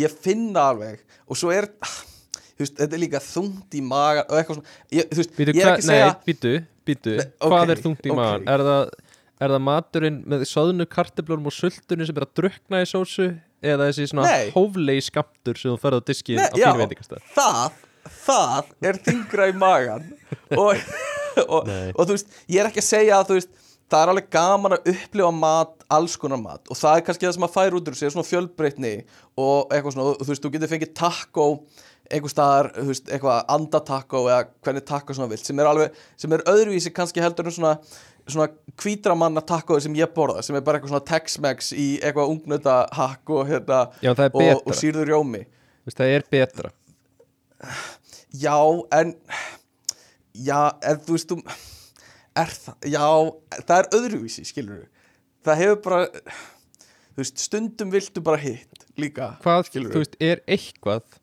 sem þú Mm. svona hefur svona, svona gæða stimpil svona gæða stimpla preferens á þú veist, eins og vín þú veist, finnst þér, Já. finnst þér ódýrt vín þið finnst það líka bara að þetta er allt sama sama eitthvað þú veist stundum þegar við keftum þú veist, tveggja, þryggja efru vínið úti já, þá var maður svona, ok, þetta er maður finnur það á þessu kannski.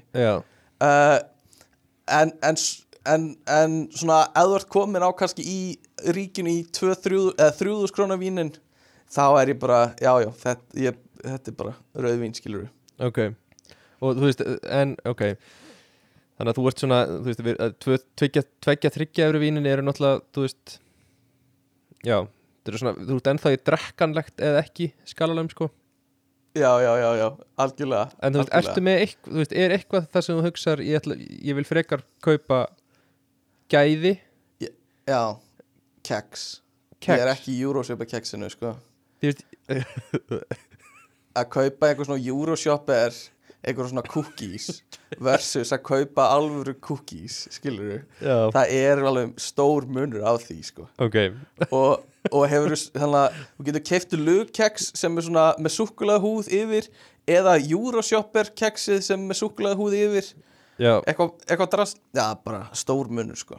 Ok, þannig að keks fyrir þér Þú veist, mm, því finnst mm. fáralegt ef ég segja að, að hérna súkulega hjúpaða lukkeksið frá get sé alveg of sama og alvöru original lukkeksið. Því finnst fáralegt að ég segja það. Mhm.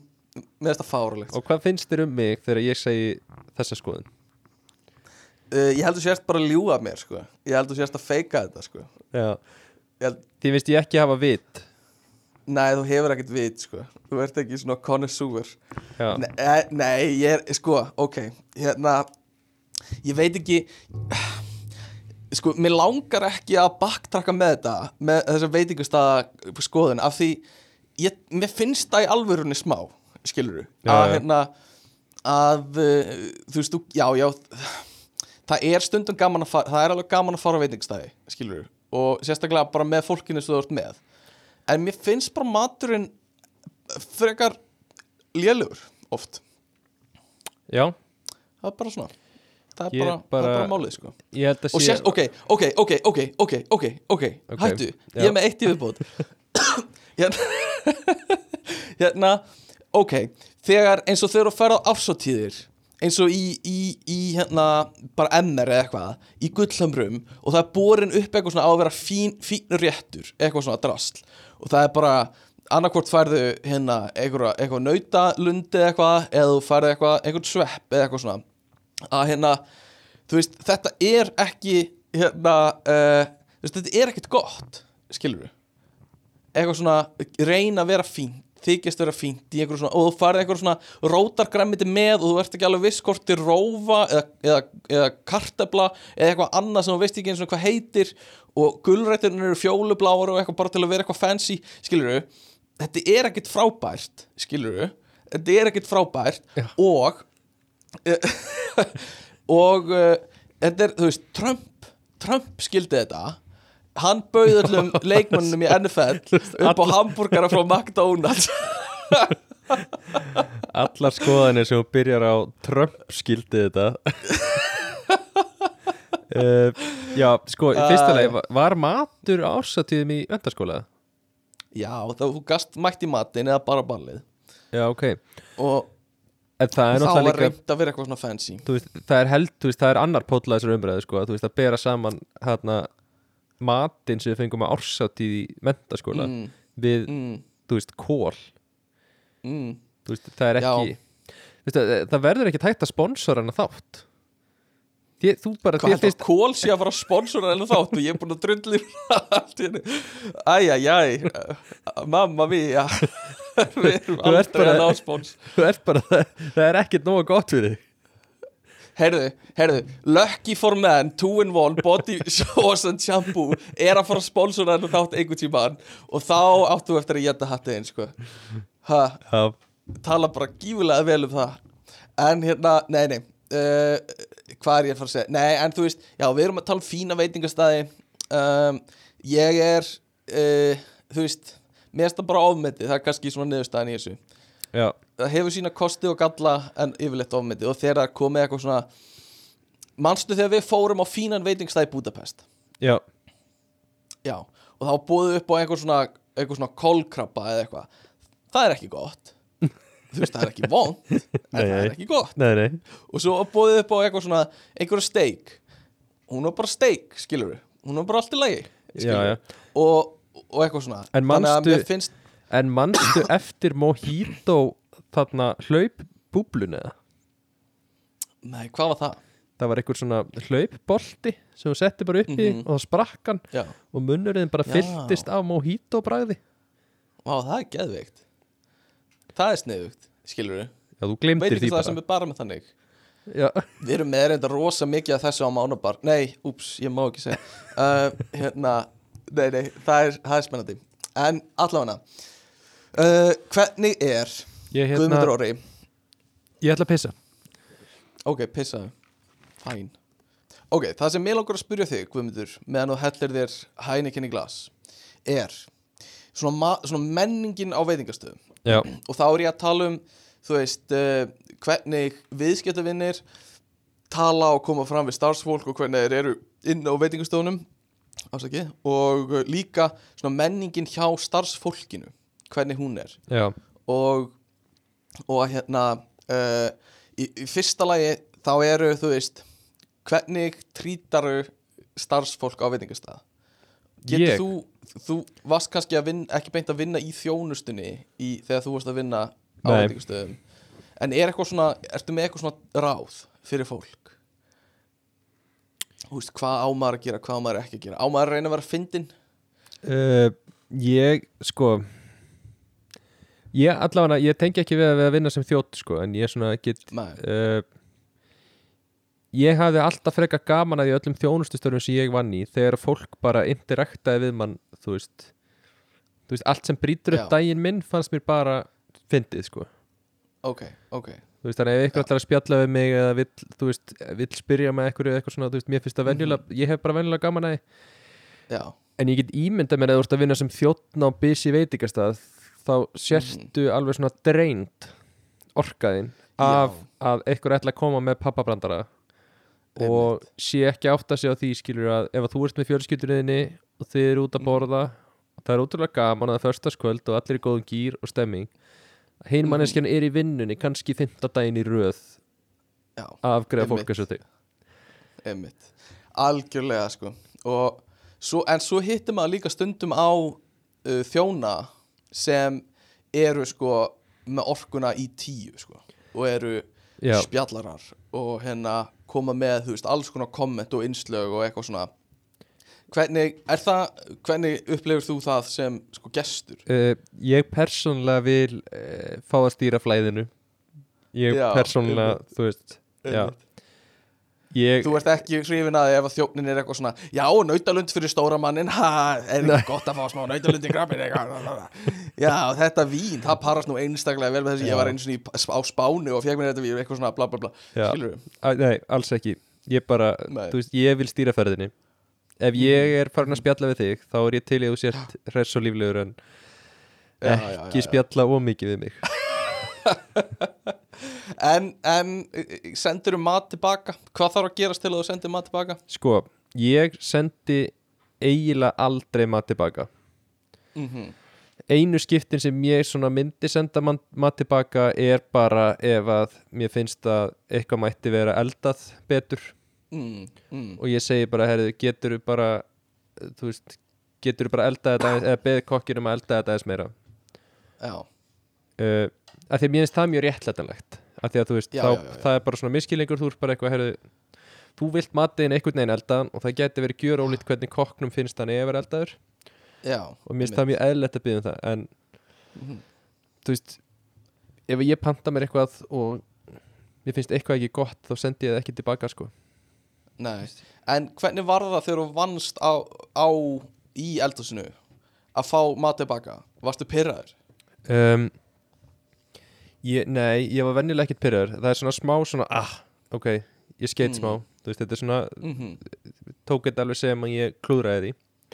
Ok, já. En oftast var þetta bara ekkert mál. Oftast bara eldaði þetta aðeins lengur og nema að komið svolítið Mhm. pressa á þegar þú ert að setja þetta aftur út þá er þetta eitthvað svona, var þetta nóg eða var þetta ómikið Já, ég skil þig Já, já, já, en, ymmið Er ekki svolítið passiv-aggressiv að fara bara Ok, ég elda þetta þá bara nóg og elda bara í tíu mínútur í viðbútt Jó, hérna- ég hef lent í því sko.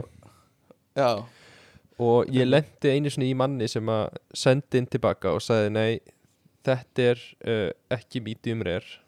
Nei, já, ég vildi medium þetta er bara medium rare eða eitthvað. Já, já. Og hann, ég var tvís og sinnum látin elda það aftur fyrir hann. Já, ok. Og svo segir hann við Júlíu sem var þá að vinna sem þjóð og segir eitthvað svona, já ég þarf nú bara að fara og sína kokkinum hvernig medium steak á að líta út. Fuck.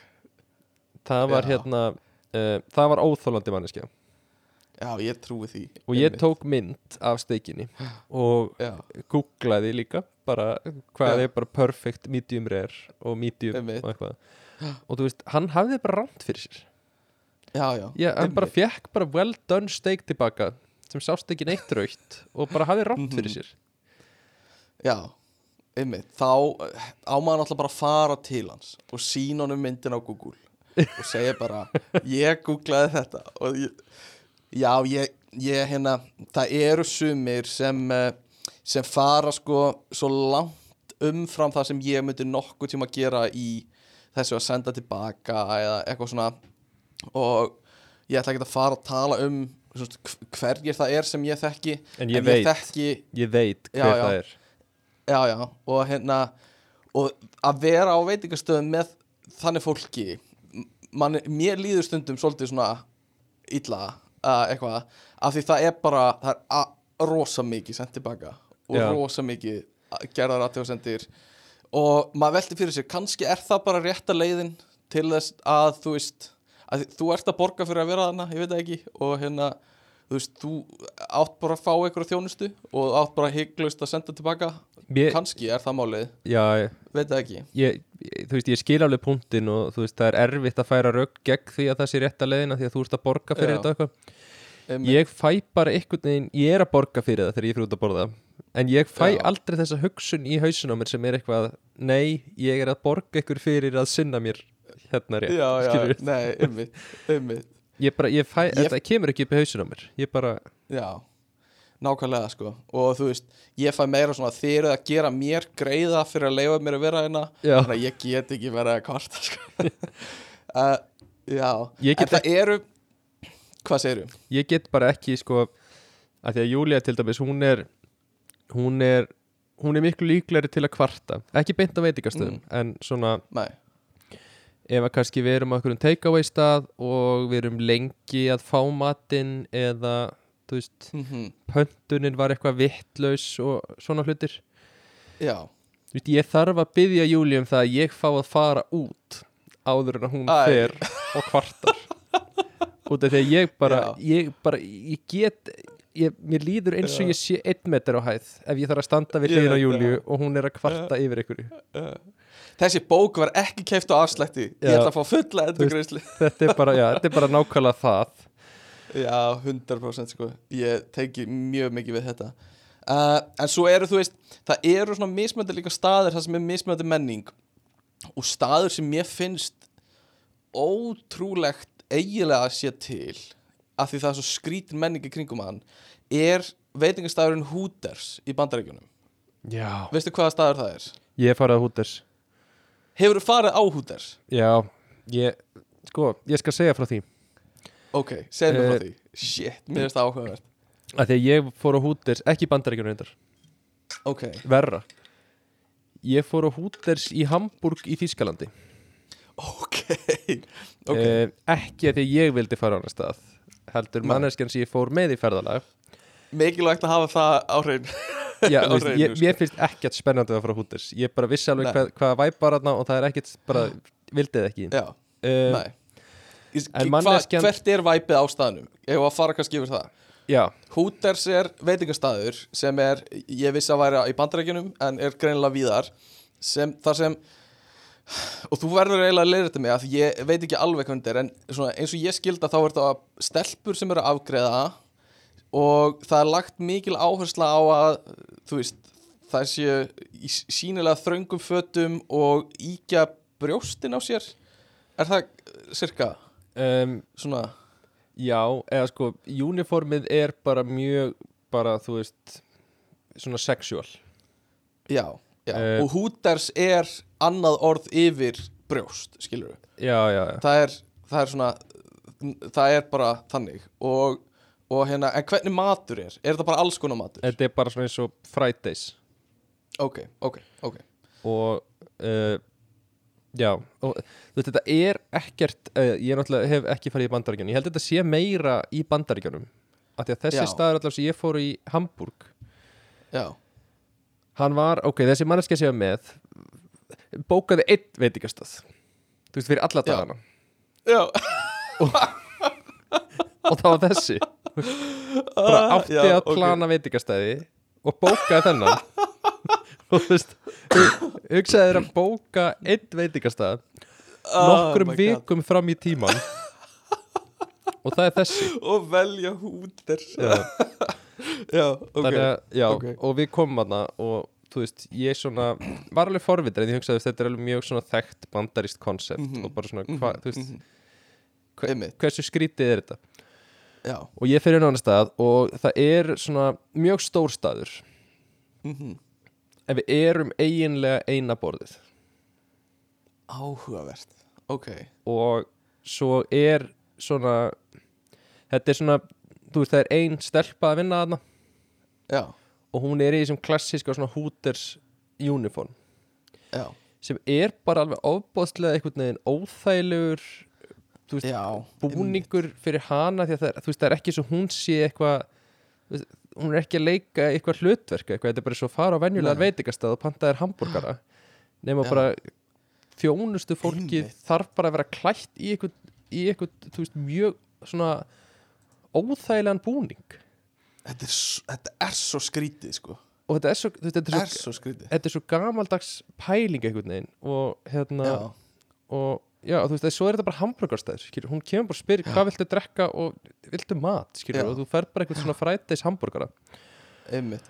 Og ég, ég er að skoða hérna e, e, þennan búning, þetta er bara mjög stuttar stuttbuxur allan á þessum myndum. Og svo bara eitthvað svona bara eitthvað svona hérna hlýrabólur eða eitthvað svona þröngur hlýrabólur eða já, já.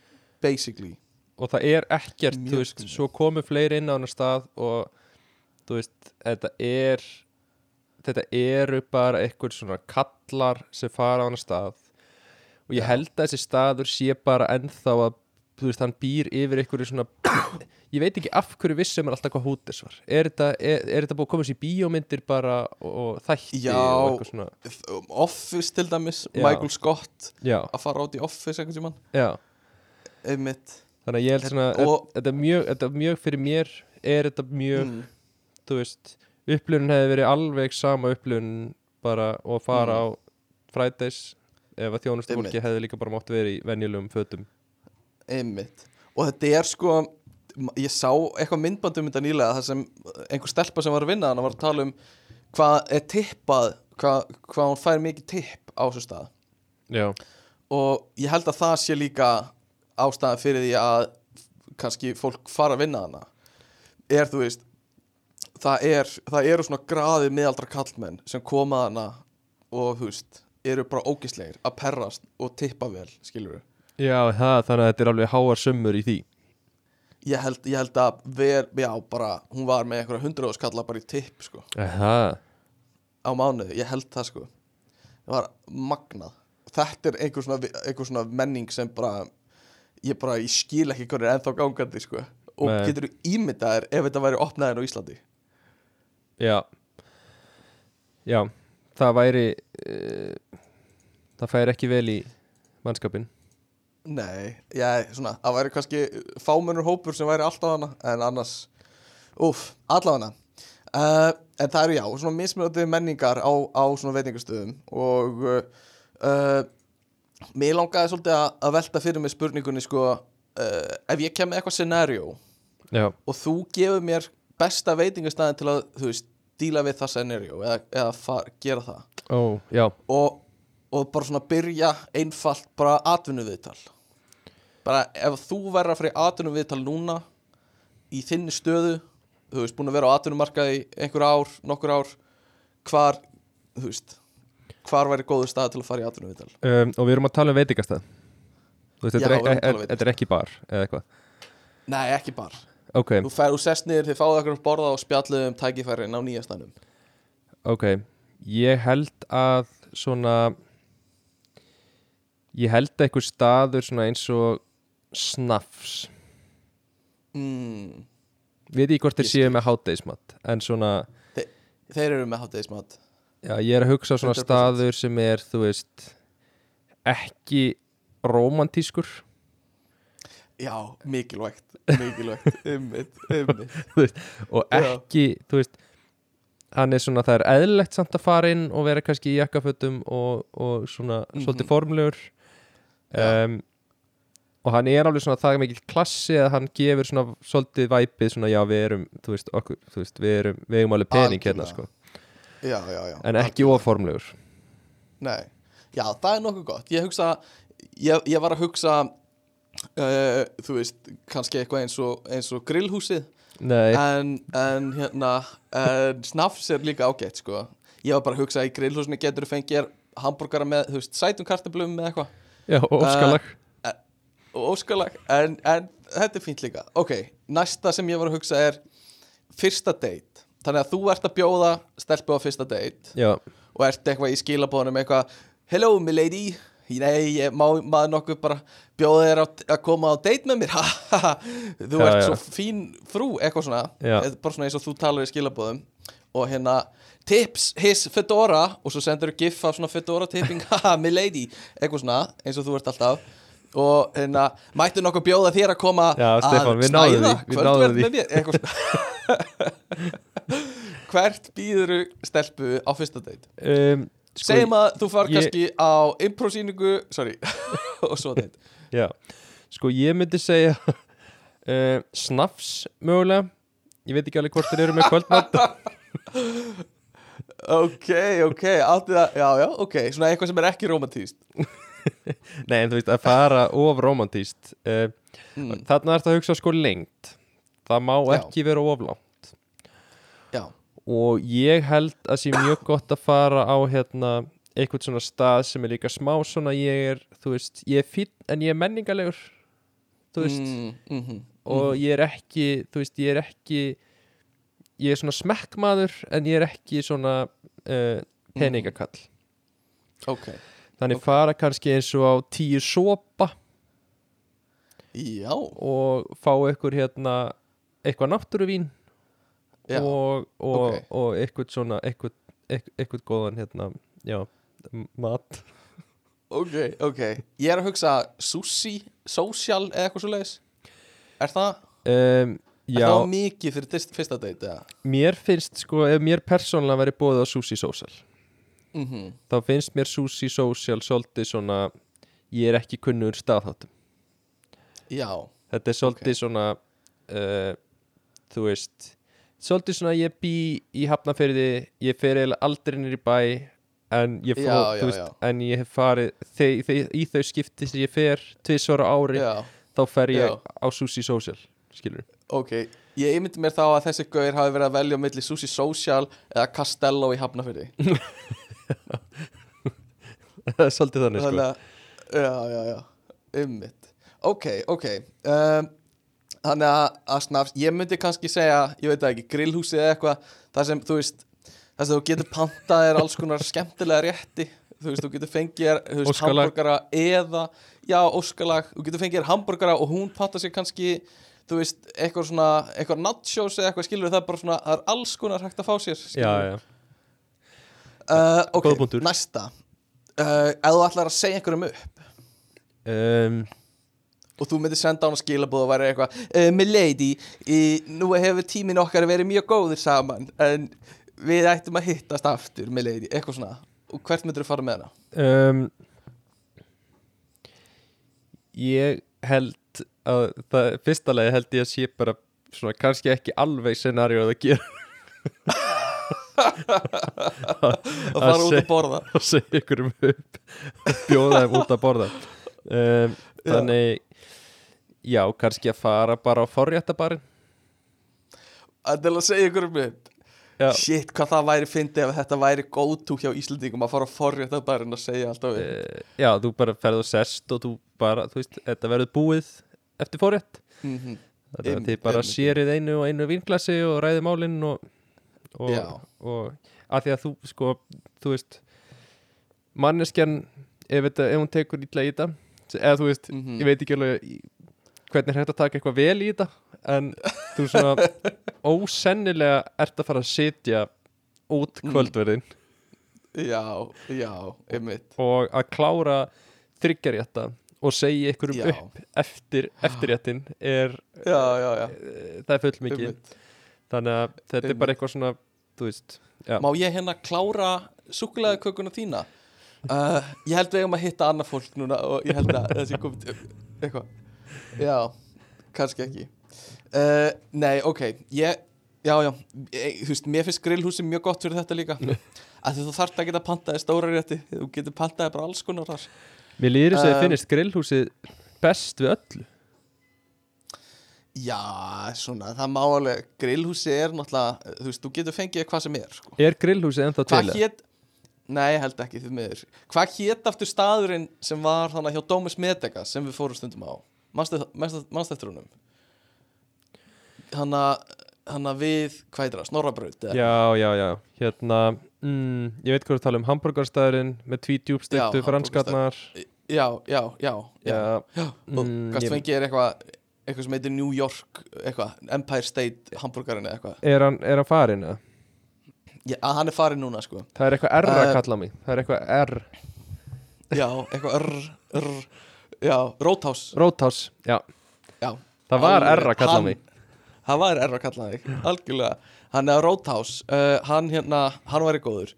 Uh, ok, ég með tvö, tvö scenaríu viðbót. Annað er ammæli Ammæli getur ekki sagt þú getur ekki sagt að það sé ekki grillhúsið. Uh, við höfum farið á grillhúsið á ammælinu og þú hefur fengið blöðuru Já, en það er ekki passa nóg vel upp á blöðrurnar hjá þeim. Fara ekki upp í lofti Nei, Þeir geta alveg týnst allt og öðvöld og það getur skemmt fyrir heilan dag. Þannig að uh, já, Nei, en og ok, maður brennist bara fyrir lífstíð. Grillhúsið, já. Mm. Ef þú ert á þeim aldri Þá, Mhm. hérna uh, Segðu Er það 20 mjög ára.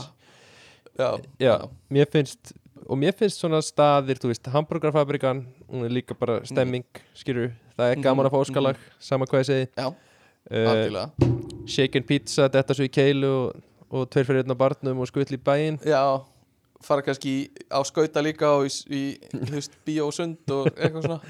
Taka bara þrennuna. Já. Emitt, uh, algjörlega. Ég veit ekki alveg, þú veist, hvað þú myndir, alveg, þú myndir fara á hann að staðin með andatakka á hann á ammælinu þínu. Hvað hétt hann? Að Pablo, fyrir ofan Pablo.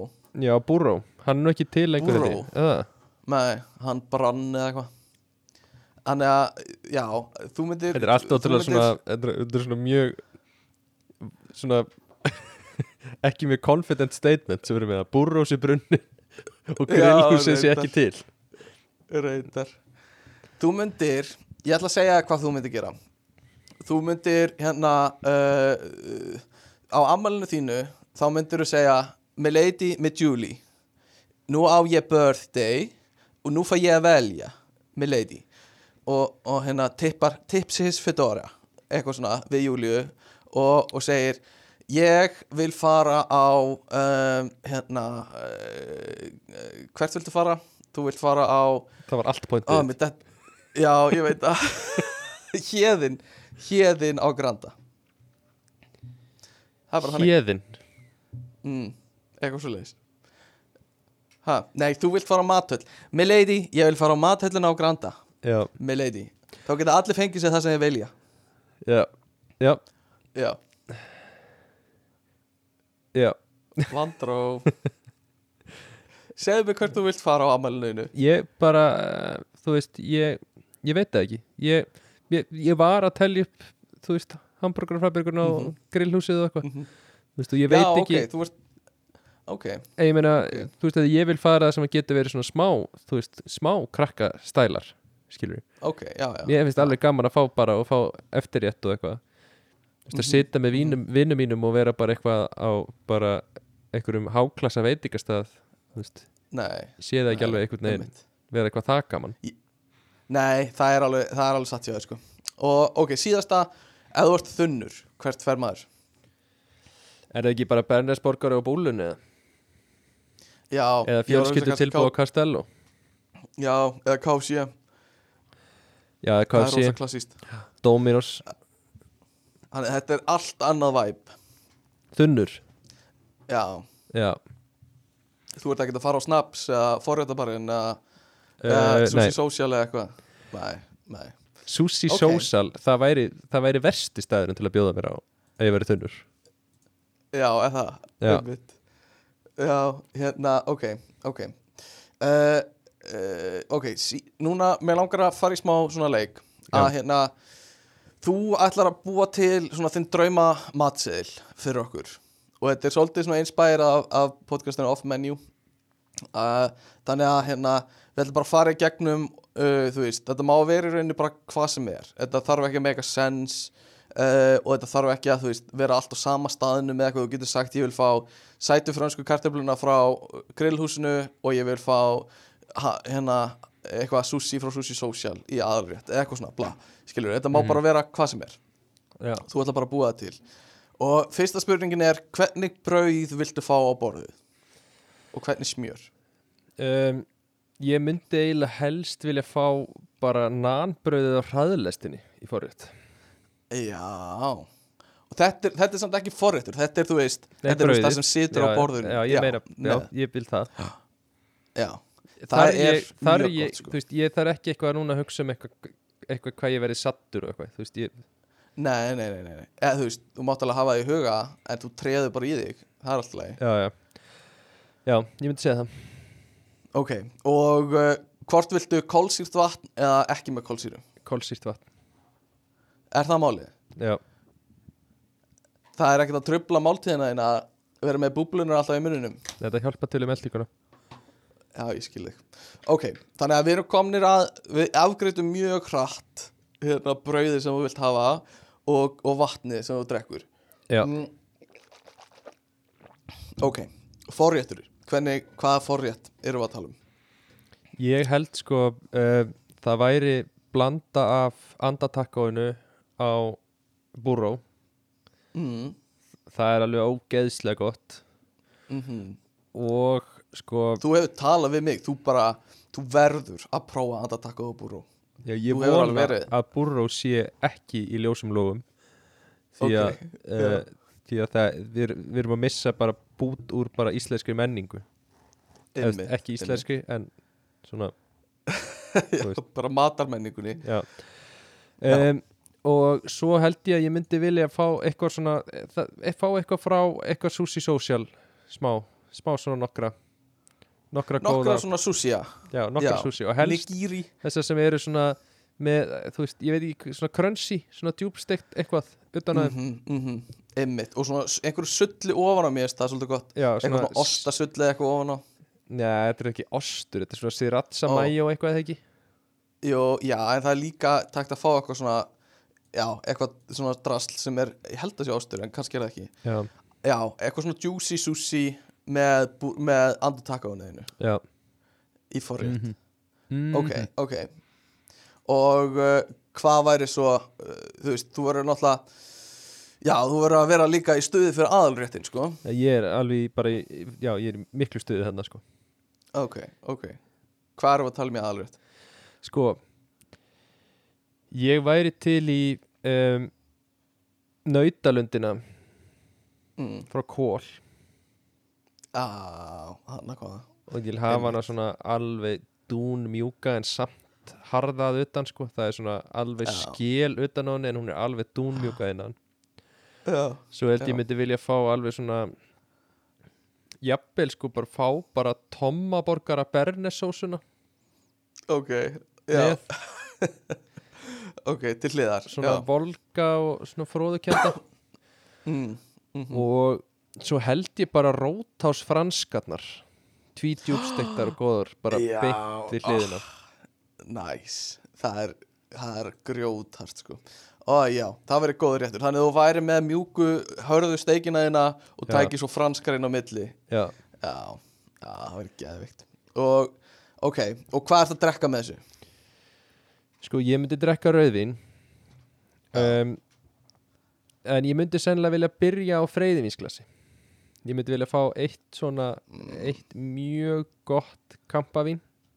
Já, þú veist, eða freyðivín, ég finn ekki mun á freyðivín og kampavíni, en það er önnur umræð nei, nei Já, Eh, það er heilunur umræða um, já, ég væri til í það með forréttum mm og svo vil ég svona færa meir í rauðvinnið mm.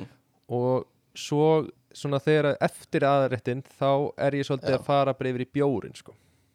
Ég sem að hljómar ertu- fyrir mörgum fáralegt sko. en það er, þú veist, þetta er þetta er list Já En viltu, þú veist, taka þátt í leikritinu að þykist vita hvaða rauðvín þú ert að velja? Eða segir bara, kottu með eitthvað næs? Eða viltu fletta í gegnum seðilinn, rauðvínseðilinn og skoða? Nei, ég, svona, þú veist, nei ég, ég myndi vilja fá uh, rauðvín sem væri bara svona svolítið mjúkt mjúkt og ekki Mm. mm. bræðstert Ok, fá bara eitthvað svona ok. mjúktur í okka mm. ekki eitthvað svona, þú veist e- Ok. ekki eitthvað svona durg Vá, það er með öll lingo orðin á hreinu. Engan durg og létt. Já, Já, ok. Gekkja Og hvað, á hverju endur við þennan þetta ferðalag? Sko, ég er uh, er mjög erfitt að velja sko. Af því ég er, annars vegar er ég mikill krembrú leimaður Já, ég elska veit gott það. krembrú leim um, en á hina hliðina hef ég alltaf verið rosalega hrifin af svona æ, svona súkulaði kúlu með ísinni sem þú svona hellir karmelusósu yfir til að bræða, Mhm. bræða kúluna. Já, já, þú veist, þetta, það, já. Já Eitthvað sem lítur vel út og svo svona sem þú sérði eitthvað gerast. Já, og svo er þetta bara sem- ís og karmela Einmitt. Ok, já, það er gott. Ég skal segja hvernig ég myndi gera þetta. Beti, ég er ekki alveg búinn sko. Ok, ok. Og svo er ég búinn með eftirréttin og ég er búinn að fá mér eitt bjór Mm. með eftirréttinum og svona, maður er orðið svolítið ferskur. Já, þá vil ég fá alveg alveg bara, ég vil fá bara klaka. Mm. og svo vil ég fá viski. Vá. Og ég vil bara svona, se- það er svona the cherry on top. Þú er fann að borða ótrúlega mikið Mm. mat. Þá, svona topparu innihaldið í maganinum með smá viski. Já, og það svona Einmitt. seitlar í gegnum allt sem er í maganinum og kemur Já. meldingun alveg á stað. Algjörlega. Og svo Og hvernig þrykki viski ég viltu fá? einni í bergið. Ba Bara það dýrasta. Já, og þryggir er í bergi. Já, ég vil bara dýrasta viski veist, Já. mér er, mér er alveg Herra minn, hvað má bjóða þér? Geðu mér það dýrasta sem þú ert með. Já, Alveg sama hvað það er. Að því ég veit ekki, Ok. veit ekki betur. Nei, mitt Já, mér það hljóma bara vel. Þetta er, þetta er svona Þetta er svolítið fancy hjá þér. Um, Ég skal segja hvernig ég myndi gera þetta. Verður þetta allt frá grillhúsinu? Frá grillhúsinu myndi Nei, ég myndi ég, nei, nei, nei, nei, nei, nei Ég skal segja hvernig ég myndi gera þetta. Uh, Brauðið Ég myndi vilja fá uh, Brauðstangina frá Dominos Og brauðstangarsósuna frá Dominos Til Nei. að hafa á borðinu. Nei, þú uh, stoppa uh, stoppa aðeins. Sko, þú ert að grínast eða ekki Ég er ekki að grínast en þú ert að velja sko verstu brauðstangir landsins í nei, sko ert að tala um Já, ok. ert að tala um bara Fyrst þú ert að segja þetta. puttana sem var Dominos Já. með það Já, hvítlusputtanir Ég myndi fá með þannig og kannski nokkra pizzabröðstangir með fyrst ert að kvarta og hérna hafa það bara á borðinu allan tíman okay. uh, Ég myndi vilja fá svona vatn í svona plastflösku svona íslenskt nei, jökulvatn. Bara af því, af því ég geta og bara, viltu fá úr krananum? Nei takk, ég vil fá úr flösku sem Já. ég kefti 10-11 og ég vil að það sé sko sérstaklega dýrt og í forrétt þá myndi ég vilja fá bara svona franskar makkarónur uh, á disk með, með svona glassúr eða svona súkulaði dífu þannig að maður getur tekið bara og dýft út í Ertu og mér er um- alveg sama þó að sé hvað? Hm? þú ert að tala um forrétt Já, forrétt makkarónur. Mér er alveg sama. Mér er alveg sama þó það sé sætt. Uh, veist, Ég er að tala um þetta hana litrigadraslið Er það ekki makkarónur? jú, Já, já, geggja það er sætt. Uh, Byrja svona í, í nokkrum þannig Og hérna uh, Fylla bara upp uh, smá svona uh, Já, bara svona þennja smagan út af því. Í aðalrétt þá myndi ég vilja fá uh, uh, elda lambalæri sem amma mín gerir með hérna uh, með kartöflum og brúnni sósu og nóa rababarsultu og grænu bönum og hérna uh, að það sé bara og bara að sé nóg af því sko. ég vil helst bara fá allt lærið fram og ég get bara skorið mér eins mikið að því og ég vil og get bara fyllt á diskin og hérna og helst vil ég að annað fólk í kringum mig horfi á mig og sé bara fullt öfundar og bara og aðdánur að því hvað ég get borðað mikið af þessu skilur við, fólki tekur eftir því já, já, hvað ég hrúa miklu á diski. Já, ok. Og hérna uh, með þessu drekk ég yfirleitt bara vatn. Og ég bara svona og, vatn, og þetta er meira bara svona til að skóla niður þannig að ég geti haldið áfram að borða og dýfur matnum í Uh, vatnið til þú getur komið svona honum auðveldar niður. Já, já, já, já, þú veist, ef ég er að reyna að klára, þú veist, ég reyni yfirleitt að klára allt sem er sett á borðið, þannig að þú veist, ég þarf kannski svo að reyna að klára makarónir af brauðstanginnar og þá, þú veist, bara dýfi ég honni til að það. Og hérna, og, uh, þú veist, fyrir mér, þá vil ég bara vatn með mat, skilur, ég fæ ekkert mikið út úr í að drekka rauðvín eða bjór Já. og þú veist, hvað þá, einhver góstrykk, sko, uh, það er bara an annað dæmi, sko, þú veist, það á bara, ég drekk þegar ég drekk og svo borða ég þegar ég borða og þá er bara vatn með því. Um, og í eftirrétt vil ég bara feita sneið af súkulæðaköku sem er bara sko vel feit og hérna þykk og bara fellur illa í magan eins og þung sko. Veist, og bara rjómi mikið að rjóma. Þú veist, erum við að tala um bara Betty Crocker eða Nei, það er drast Ég, hérna, ég er ekki hrifin að því þegar það er eitthvað svona baka köku fyrir vínin á, á ammælun hans eða eitthvað svona og þú veist, það er Betty Crocker. Mér finnst það átt, mér finnst það lélegt mér finnst það vondar kökur oft eða svona, kannski ekki vondar en það eru bara bræðlausar, skilur við Þannig að fara bara all in í eitthvað juicy, þykka súkulega köku Ok, baka Þetta er náttúrulega bara, já, ég er ósamála þessu. Betty og Crocker ef ég get þá myndi ég setja nammi ón á kökuna Já, örugglega svona hlaup eða eitthvað. og, og já, má alveg vera nokkur hlaup og bara, þú veist, því meira sem er hægt að þekja hana í nammi ofan á því betra, sko. Já. og rjómin er líka líkilatrið, sko. Sko, en eh, svona, það sem ég var að segja sem er að já, þú er rámt fyrir með Betty Crocker.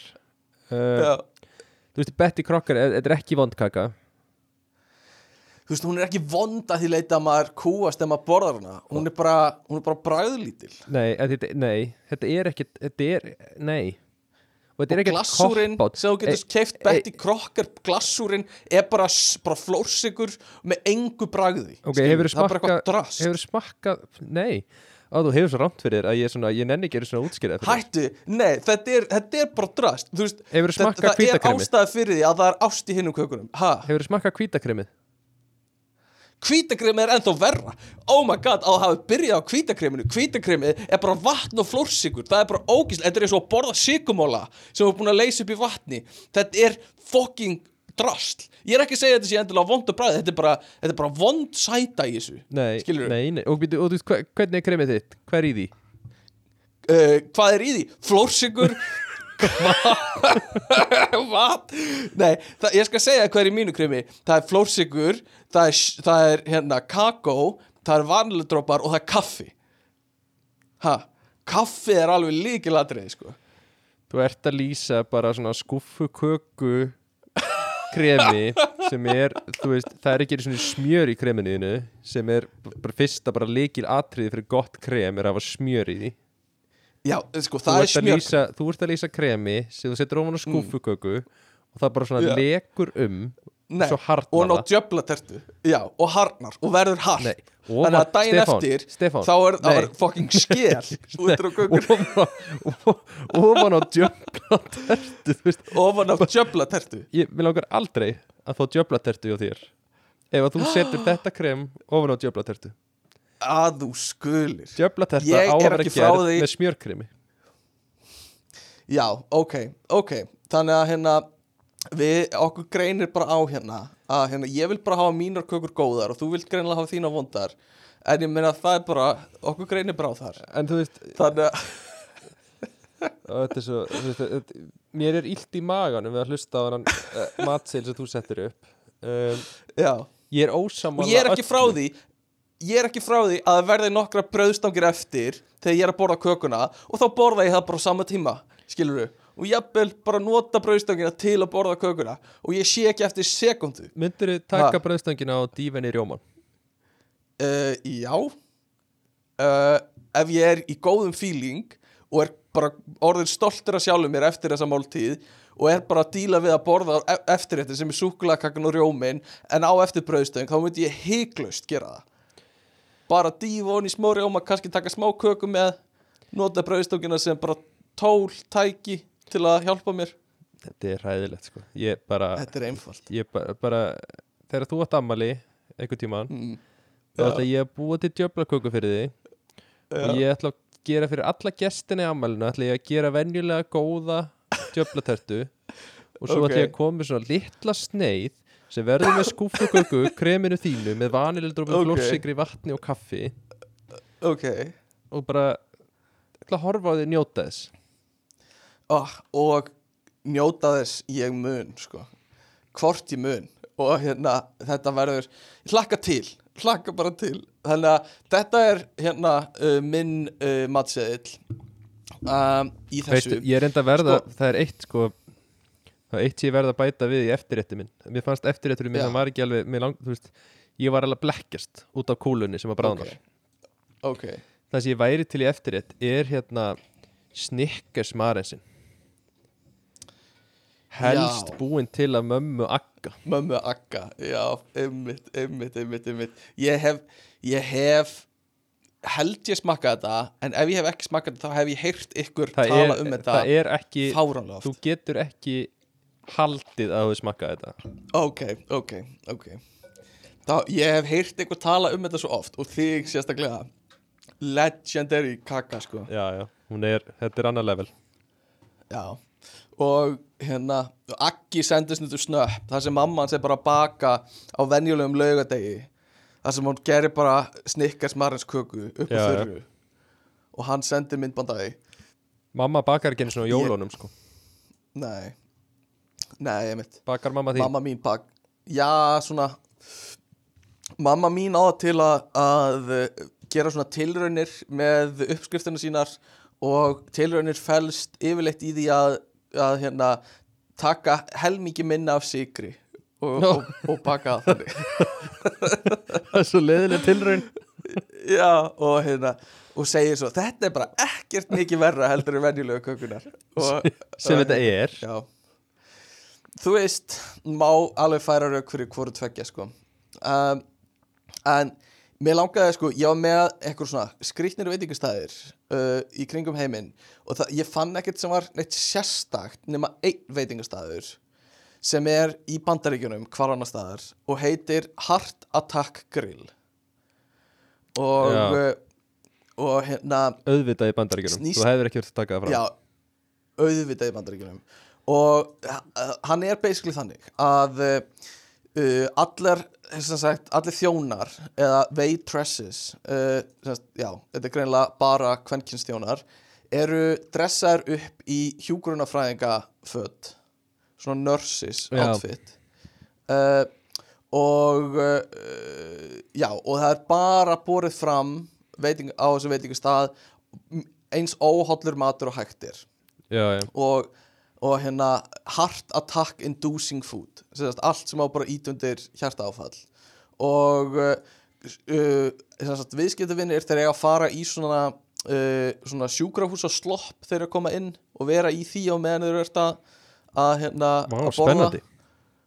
og, uh, og borgarnir eru, hérna, eru flokkaðir eftir stærð allt frá því að vera sagt, single bypass sem er hjávitið aðferð, aðgerð upp í að vera octuple bypass sem er átta sem sagt, svona Já, já. Hérna, hambúrgara lög. Uh, og uh, hérna, frönsku kartöflunur á þessu stað eru eldaðar upp úr bara hreinu fytu en ekki já, bara pure lard. Uh, og lard er svo fallit orð. Og uh, öll skot sem þú kaupir á barnum eru gefin í svona litlum pilluglösum svona plastpilluglösum já, já. þú veist, sem, sem eru ofta spítalum um, og uh, síðasta er að uh, viðskiptavinnir sem eru yfir 350 pund eða 158 kíló þeir fá að borða þarna frítt. Þannig Vá. að fólk yfir þeir, þeirri þyngd. Hvað, hvað er það, Eh, hvað er það 200 kíló eða? 180, 158 kíló með Já, já, cirka það er ekkert það mikið, þannig sé þú veist Nei. ég er nokkuð vissum að ég hefði borðað frítt hann einhvern tímann e, já. uh, Mér líður eins og þetta sér staður sem ég og þú myndum standa okkur helvíti vel inn á já, ég er ekki frá því sko Mér líður eins og þegar við höfum farið Ah. tveir í fjölskyldu tilbúð Castello að það hefði alveg mátt gefa okkur sloppið inngangi Já, 100% Taland um það uh, Ég bara upp á gamanið Þá fletti ég hérna upp næringagildi í heilum pítsum frá Dominos Og er með hérna uh, lista hvað er, hvað er í hverju. Hver er svona go to hérna uh, pítsan hjá þér, Guðmundur? Meat and cheese, Surprise. Surprise. Uh, Sjá, fletti upp á því. Surprise. Hérna, Domino Surprise. Í stórri Domino Surprise eru 2500 kaloríur. Og það er nú eitthvað sem þú hefur nú slátrað Alveg einn, sko. Nei, jú, hef, hef. Já, hef, hef. Hef er gott. Uh, Já, ég, Og vá hvað er mikið 2500, það er bara svona venjuleg uh, venjuleg kalorífjöldi fyrir venjulega mannesku fyrir einn dag. Og í miðstærð er 1500 kaloríur. Uh, ekki nema 800 kaloríur eru lítilli Domino Surprise Hún er líka valla máltíð sko. Já, það er ekki máltíð sko. En það þú farið líka út úr þessu er í stórri Domino Surprise farið alveg 117 grömm af prótini Þannig að og sko, 10 grömm af salti. þannig stór stór Domino Surprise mm. er mögulega bara ráðlega dagskamtur Já, þannig að þú getur borðað þetta bara hverjum degi sko. bara ein Domino Surprise á hverjum degi. Og það er bara góður nei ég trú ekki ég trú ekki að þú fáir, hvað það er, 100 og 117 grömm af prótini Nei, ert að meina? Ég er að meina það. Þetta er osturinn og þetta er kjöti og Og hvað er mikið kolvetni? uh, Kolvetnin það er náttúrulega bara uh, basically hérna kaloríur uh, Kolvetni, carbohydrates I don't know hérna, Það er alltaf uh, bara basically kaloríur uh, Biti, biti, biti Það er, skal ég þér segja um, Klassísku bótt Það er 248 grömm af kolvetnum. Þannig að það er nú eiginlega bara svona þú veist, þetta er, þetta er þú veist, þetta er tveir þriðju á móti prótini Já, að, mikið þetta svo sem ja, en helmingur helmingur, já, mér finnst það, þú veist, mér finnst nú er hún ekki næringafræðingur en mér finnst Domino Mm. Surprise bara ekki hljóma eins og eins og það versta sem þú getur borðað ef þú borðað bara eina þannig á dag? Nákvæmlega, ha? Það er bara holdt Nei, meina, Það ef, ef ég fer í rektina og fengi mér eina hálfa Domino Surprise í hátteginu og hálfa í kvöldmatt þá væri ég bara búin að fá hundrað eitthvað grömma prótini sem að þú veist er bara mjög erfitt að borða svona mikið af prótini Já. Þú getur köttað þetta niður í 1800 kaloríur eða þú færðir ítalskan botn. Já, en, En hver er gera sama. það? Uh, Próteini í ítalsku botni er uh, 106 í staði fyrir 100 Heyrðu, ég var að ég var að rugglast Það eru 130 grömm af próteini, ekki 117 Þannig að það er meira. Og býtu, ef ég fæ mér ítalskan bótt, hvað er þetta marga kaloríur? uh, 1800 Býtu, þetta er bara þetta er bara alveg að þú komar í gott form þá bara þetta Já, er þetta bara, bara svínvirkar. þú gætir jafnvel fengið að tvær með ítalsku botn á dag þú ert að æfa. Nóg sko. Já, það er bara, þetta er bara frábært sko. þetta eru góða fréttir. Um, en svo eru veitingastæðir sem eru svona eitthvað svona á skrýtnum stöðum eins og í hellum. Einhverju veitingastæðir í hellum á Ítalíu og eitthvað svona í náttúrunni og þú veist, það eru veitingastæðir einhver staðir í, í, í Tælandi held ég sem er, þú veist fyrir neðan einhvern foss, þannig að þú situr bara á veitingastæðinum og vatnið svona lekur um fyrir neðan þig og þannig að þú Hljómar með fætur í vatninu. Þetta hljóma svo pirrandi fyrir mig sko. Já, er það? Já, þú veist, eh, æ, ég, ég skil ekki þú veist þegar fólk fær svona hugmyndir þá skil ég ekki einhvern veginn hvernig þú veist, hver er munurinn að fara bara heimsækja hell þennan helli Mm og fara svo Mm. bara að borða eitthvað staðar en einhver að vera Já, bara eitthvað, já. en hvað með í staðin fyrir bara að heimsækja hann? Að þú borðir inn í hellinum mm Ummitt, ummitt Algjörlega sko, það eru nokkri svona hella veitingastæðir sko. Ég, veist, þetta er, ég veit ekki hvort þetta er eitthvað það næs, jú, kannski. Getur hort yfir hafið eða eitthvað. Svo er ein, hérna veitingastæðir sem er bara upp í tré. Sem er bara byggja borð og veitingastæði upp í tré einhvers staðar. Já, já, uh, þú situr bara í einhverju svona já, í einhverju svona körfu upp í tré. Þú veist ég var svolítið hissa hvað ég fann lítið af mjög skemmtilegu veitingastöðum. Einn sem var svolítið skemmtilegur var closet veitingastæður í Tælandi þar sem er, þú veist, þú situr á closetum í staði fyrir stól og uh, farð matiðin borin fram í svona litlu closeti. Já, uh, en ég veit bara ekki hver pælingin er þú veist, er þetta eitthvað svona menningarlegur hérna, er eitthvað svona tengt menningun í Tælandi eða er þetta bara algjörlega random pæling? Er þetta nothæf closet eða? uh, nei, ég efast um það. Það væri eitthvað svona health risk sko. Uh, já. Annars, mér finnst vanta meira á svona skemmtilegu veitingastöðum allavega ekkert af því sem ég fann var eitthvað það næs. Sko, Þú ég, það var einn sem var að simulata jarðaskjálta Vá, það er þú líka situr og pirrandi. allt fyrir að hristast En Já, það er bara pyrrandi sko. Ég er með eitt veitingastæð sem ég sé á TikTok. Og það er hérna Karen veitingastæðinir, Mm. hefur séð það? Ég sé það, það er reynda frábært sko. Það er mjög fyndi koncept. Karen, eða ertu ekki að tala um það sem allir, allir allt starfsfólki er dónalegt við þig? Jú, Já, og það er bara þú, þú þarft að, þú veist, áður nú kemur inn þá þarftu að, þú veist, segja, ég veit um hvað þetta snýst ég er að gera þetta, þú veist, að fúsum og frjálsum vilja að koma hingað og eitthvað svona. Já, og eftir já. þú er búin að samþykja það þá bara fara því að drull yfir þig. Bara, ok, feita bólaðin já, já, drulla þér í sæti þegar þú kemst fyrir og bara, það er svo vond líkta er að ég held bara að allir fari hérna út, sko. Já, og, og hérna, og svo spyrir eitthvað get ég fengið hambúrgara? Ég veit ekki, getur það? eitthvað svona. Og þú veist, bara svona alls konar leðileg komment sem þú færð, að það er þetta mjög fyndið já, og það er svona upplifun sko, Væru til í að meiri upplifun heldur en fínu kólveitingastæðinu þínir sko. Já, en væru, væru ekki til í að prófa að vinna þarna? jú, þetta er svona það sem þú þarft að vera hnittin sko. Þú værir góður þarna. Er það? Já, Já, ok, ok. Já, það væri örgulega gaman sko. Ég held reyndar að sé svolítið líjandi að vera alltaf neikvæður sko Að vera alltaf í neikvæðninni einhvern veginn. En þú ert samt að fá Eh. fólk til að hlæja með því að vera neikvæður, skilur Reyndar, reyndar, þú ert að gera það sko. En það er mjög áhugaverður staður sko Sem ég, hérna Og að fara með einhvern á svona stað Á þess að viti að þetta er þannig staður Er alveg fyndið líka. En þá er búið að skemma Að þetta þú með þess að þú þarft að segja það áður kemur inn. Já, ég veit það. Það er svolítið þannig sko. Uh, Það er svona, ég veit ekki hvort það er hægt að komast eitthvað hjá því. Mér finnst svolítið Eh. fyndið að fara sko Það hefur örgulega fólk farið inn á hana stað mm, En samt móðgast geðið mikið. Og Öruglega sko. Öruglega sko.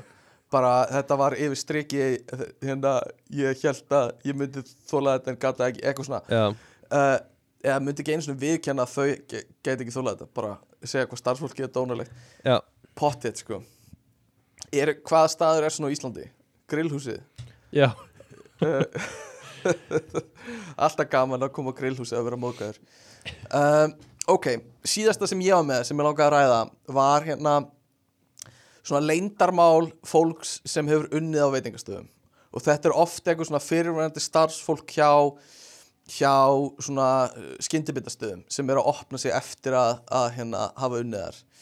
Og oft er þetta, þú veist eitthvað tengt í að veist, og byrja hérna postin eh, á eitthvað svona ég var að vinna hjá stórum veitingastað uh, sem sérhæfi sig aðli í að gera franskar kartöblur og er með hérna og hérna maskotið er uh, einhver persóna úr hernum eitthvað svona sem hérna bara svona gefa basically segja hvað þetta er að þess að segja hvað þetta er. Já, ég skil um, sem er mjög fyndið hvernig það er orðað oft. En og þá er þetta oft, þú veist talað um að það var ekkert skipt um hérna frönsku kartöflu ólíuna eða eitthvað í bara marga daga og hérna og, og þú veist uh, þú fannst greinilega mun á kartöflunum fyrst þegar að ólían var sett í og svo kannski fimmtugum setna þegar sama ólíja var notið en bara bragðið af tómatsósunni það felur það svo mikið og eitthvað svona. Mm, um, en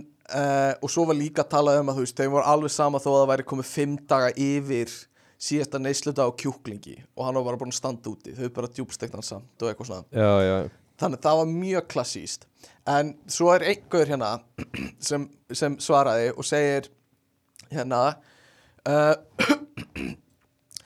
uh, ég hugsa ég lest þetta bara á ennsku að því ég nenni ekki því þetta. This is the most disgusting thing on my list. One day a coworker was making a huge bowl of mashed potatoes instant, þannig að það var bara með duft sem hann helli bara í risastóra skál bara gerir helling af því í einu örgulega bara marga lítra og, og, og gera það bara allt í einu. Uh, It was made with an uh, industrial size mixer. Somehow she got uh, she injured her hand on the part that mixed the blood yeah, that mixes and the blood sprayed across the top of the mashed potatoes The boss told her it was too much to waste, so the blood was scooped off the top and the rest was served. Nei Bara einhver algjör viðbjörður sem þetta? Er, sem greinilega gert. uh, hann talar um hann, þetta er ekki einhver svona hann talar ekki um endilega þetta sé einhver frægustæður heldur bara eitthvað svona sem var í nágrunnu hjá honum Ói, uh, svo segir hann líka uh, when slicing meat or cheese we were only allowed to use one glove like for the whole shift. The glove was used for the first customer uh, was the same that was used for the last. They were absolutely filthy at the end of the shift. Ói but at least it wasn't our bare hands. Svo nota sama hanskan í gegnum þetta allt. Það er viðbjóður. uh, já, og svo talar hann líka um manneskjan sem þvó, þó diskana sem þóði diskana var ekki mjög góð í. Hún, myndi, hún skildi það alltaf eftir bara blöyta og uh, vatni sem hún notaði var ekki hreint. Og hérna ein, stundum voru þeir hérna endur þóðir en oftast ekki. Og hérna eitthvað svona. Og það sem maður heyri mjög oft er þú veist hvað hérna hvað er mikil óhreinindi í þessu.